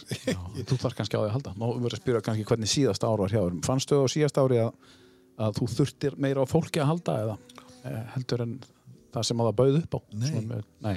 þú veist að ég bara, sko, ég, líður, ég reynir bara að láta mér líða vel það sem ég er fyrst var ég þannig að mér leiði ekki dóla vel eitt en ég, í dag líður mér oft vel eitt sko, Já. þú veist bara með mínar uh, hugsanir og, Það er allavega hellingur að gerast eða? já, ég, ég er alltaf eitthvað að pæla sko, Færðu hugmyndir bara margar á dag endalist og hvað gerur við allar þessar hugmyndir? Hvað gerur við? suma framkami en suma lenda bara náttúrulega í geimslunni og Já. suma gleymast en Já. því að segja nú allir við mig að ég sé sko, tótti sérstakum með það að ég framkam allt sem ég. Þetta í hugan, það er ekki rétt sko. Ég fæ miklu verið hugmyndir sko. Ég, ég kannski hlutastlega framkam ég var jafn mikið allir hinir, ég bara fæ miklu fleiri hugmyndir, ég veit ekki um það sko.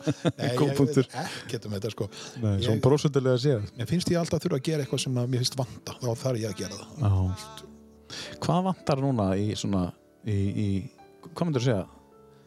Uh, hvernig, hvernig, hvernig svona árið fyrir þér núna?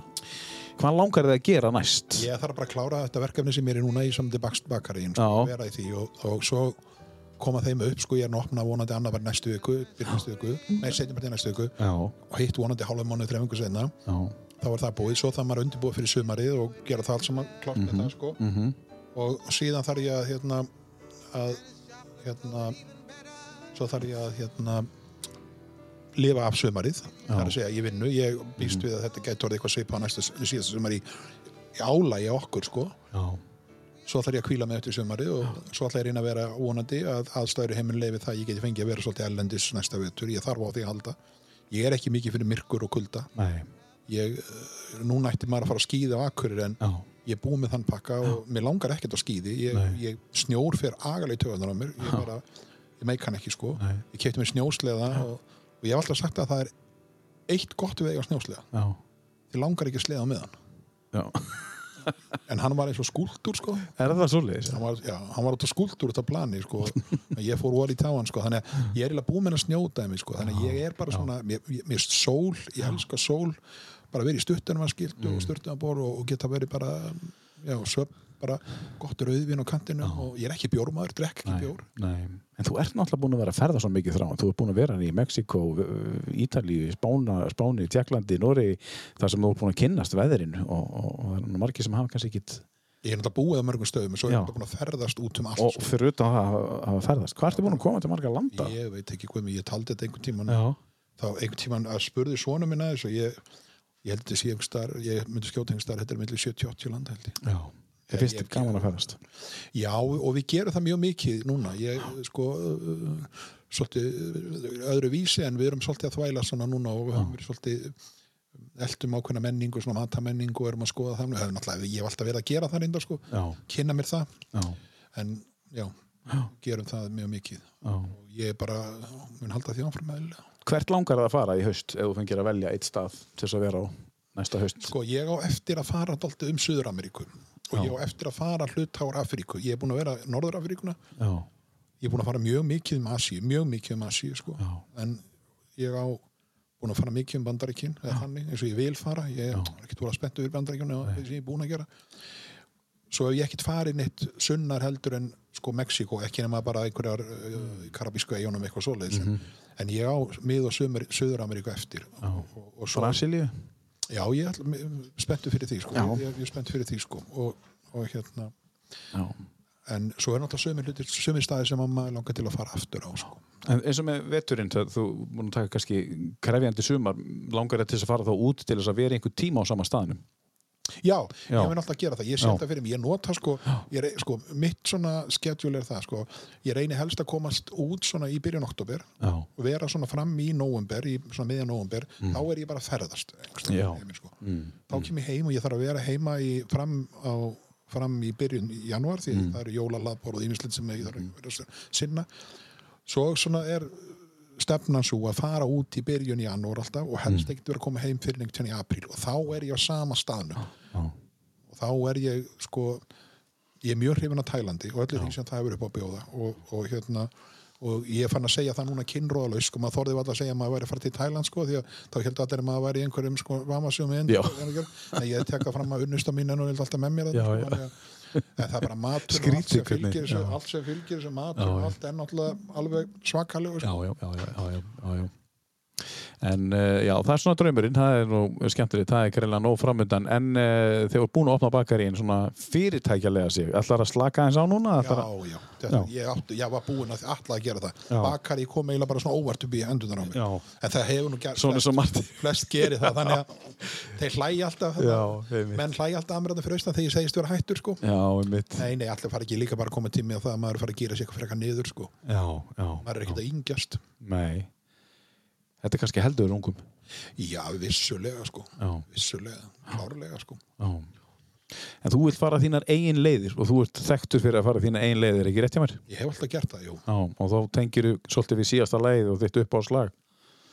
Já, þetta er svona lægi mitt eins og mér er alltaf fundist alveg frá því þarna í Egyptalandi þá er ég bara og ég get alveg sko bara sagt það hér að ég einhvern veginn sé það fyrir mig og var nú búin að byggja allavega svona um það að ég sé nú fyrir mér að, að þetta meiri sem verður það lægi sem ég ætla að láta spila yfir mig þegar ég lappa með mig út sko, til að sé þess að skiptinu sko. Já, þetta er það stert. Já, þetta er eitthvað sko mér finnst þetta að segja bara nákvæmlega það sem að mér finnst um mitt, mitt líf sko, hvernig Mhm. það hefur verið sko. Ég gerði þetta bara mína á, á, á minni veg sko Já, og, já. og, og, og sé ekki eftir neinu sko, þannig lagað. Þetta eru kaplar í mínu lífi sem ég myndi vilja spóla tilbaka og gera eitthvað aðeins öðru í sig það, það, það er þannig með allt fólk sko.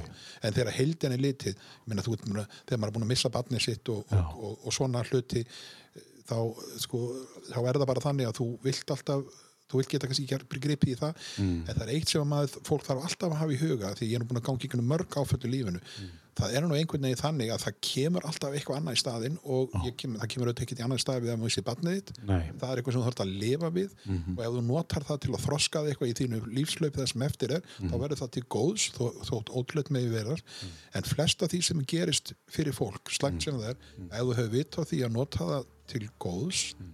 og til þess að, að þig vagnist betur í lífinu þá getur þú kreist minnst að það jákvæða út við því neikvæða og jáfnvel nýttu þú skelfilegasta Já. Þannig að ég held að allir þessi svona missir hafi haft mikil áhrif á líf mitt það sem eftir er og mun gera það Já. til batnaðar. Ég hefði auðvitað ekki viljað ganga í gegnum þetta. Ég hefði viljað hafa hann með mig núna í því sem, er að, sem ég er að gera. Mhm. hann var snillingur á þessu sviðin sem við erum að gera núna Mm. og ég saknast mikið. En allt annað sem hefur gengið yfir það hefur bara tekið eitthvað betra við. Og það er alltaf þannig að ef, þú, op, ef maður er með tiltölu opinn huga og er ekki ómikið að velta sér upp úr því sem fór misfórist þá kemur þetta allt upp í fangi á manni á endanum sko. og þannig hefur mitt líf verið og ég trú ekki að það sé eitthvað, ég sé eitthvað sérstakum með það og svo þarftu alltaf að horfa á það að hvað þú ert oft heppin í lífinu ekki alltaf að horfa á hvað þú ert óheppin í lífinu Góða punktur og góð lokar þráinn Lárisson. Takk fyrir að koma. Takk kærlega Frábært að hafa þig og uh, hlustandi góður. Takk fyrir að hlusta og uh, já, enn og eftir. Takk fyrir að hlusta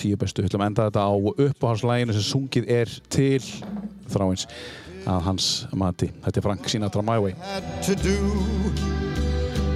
saw it through without exemption. I planned each charted course, each careful step along the byway, and more, much more than this. I did it my way. Yes, there were times I'm sure you knew when I bit off more than I could chew. But through it all, when there was dark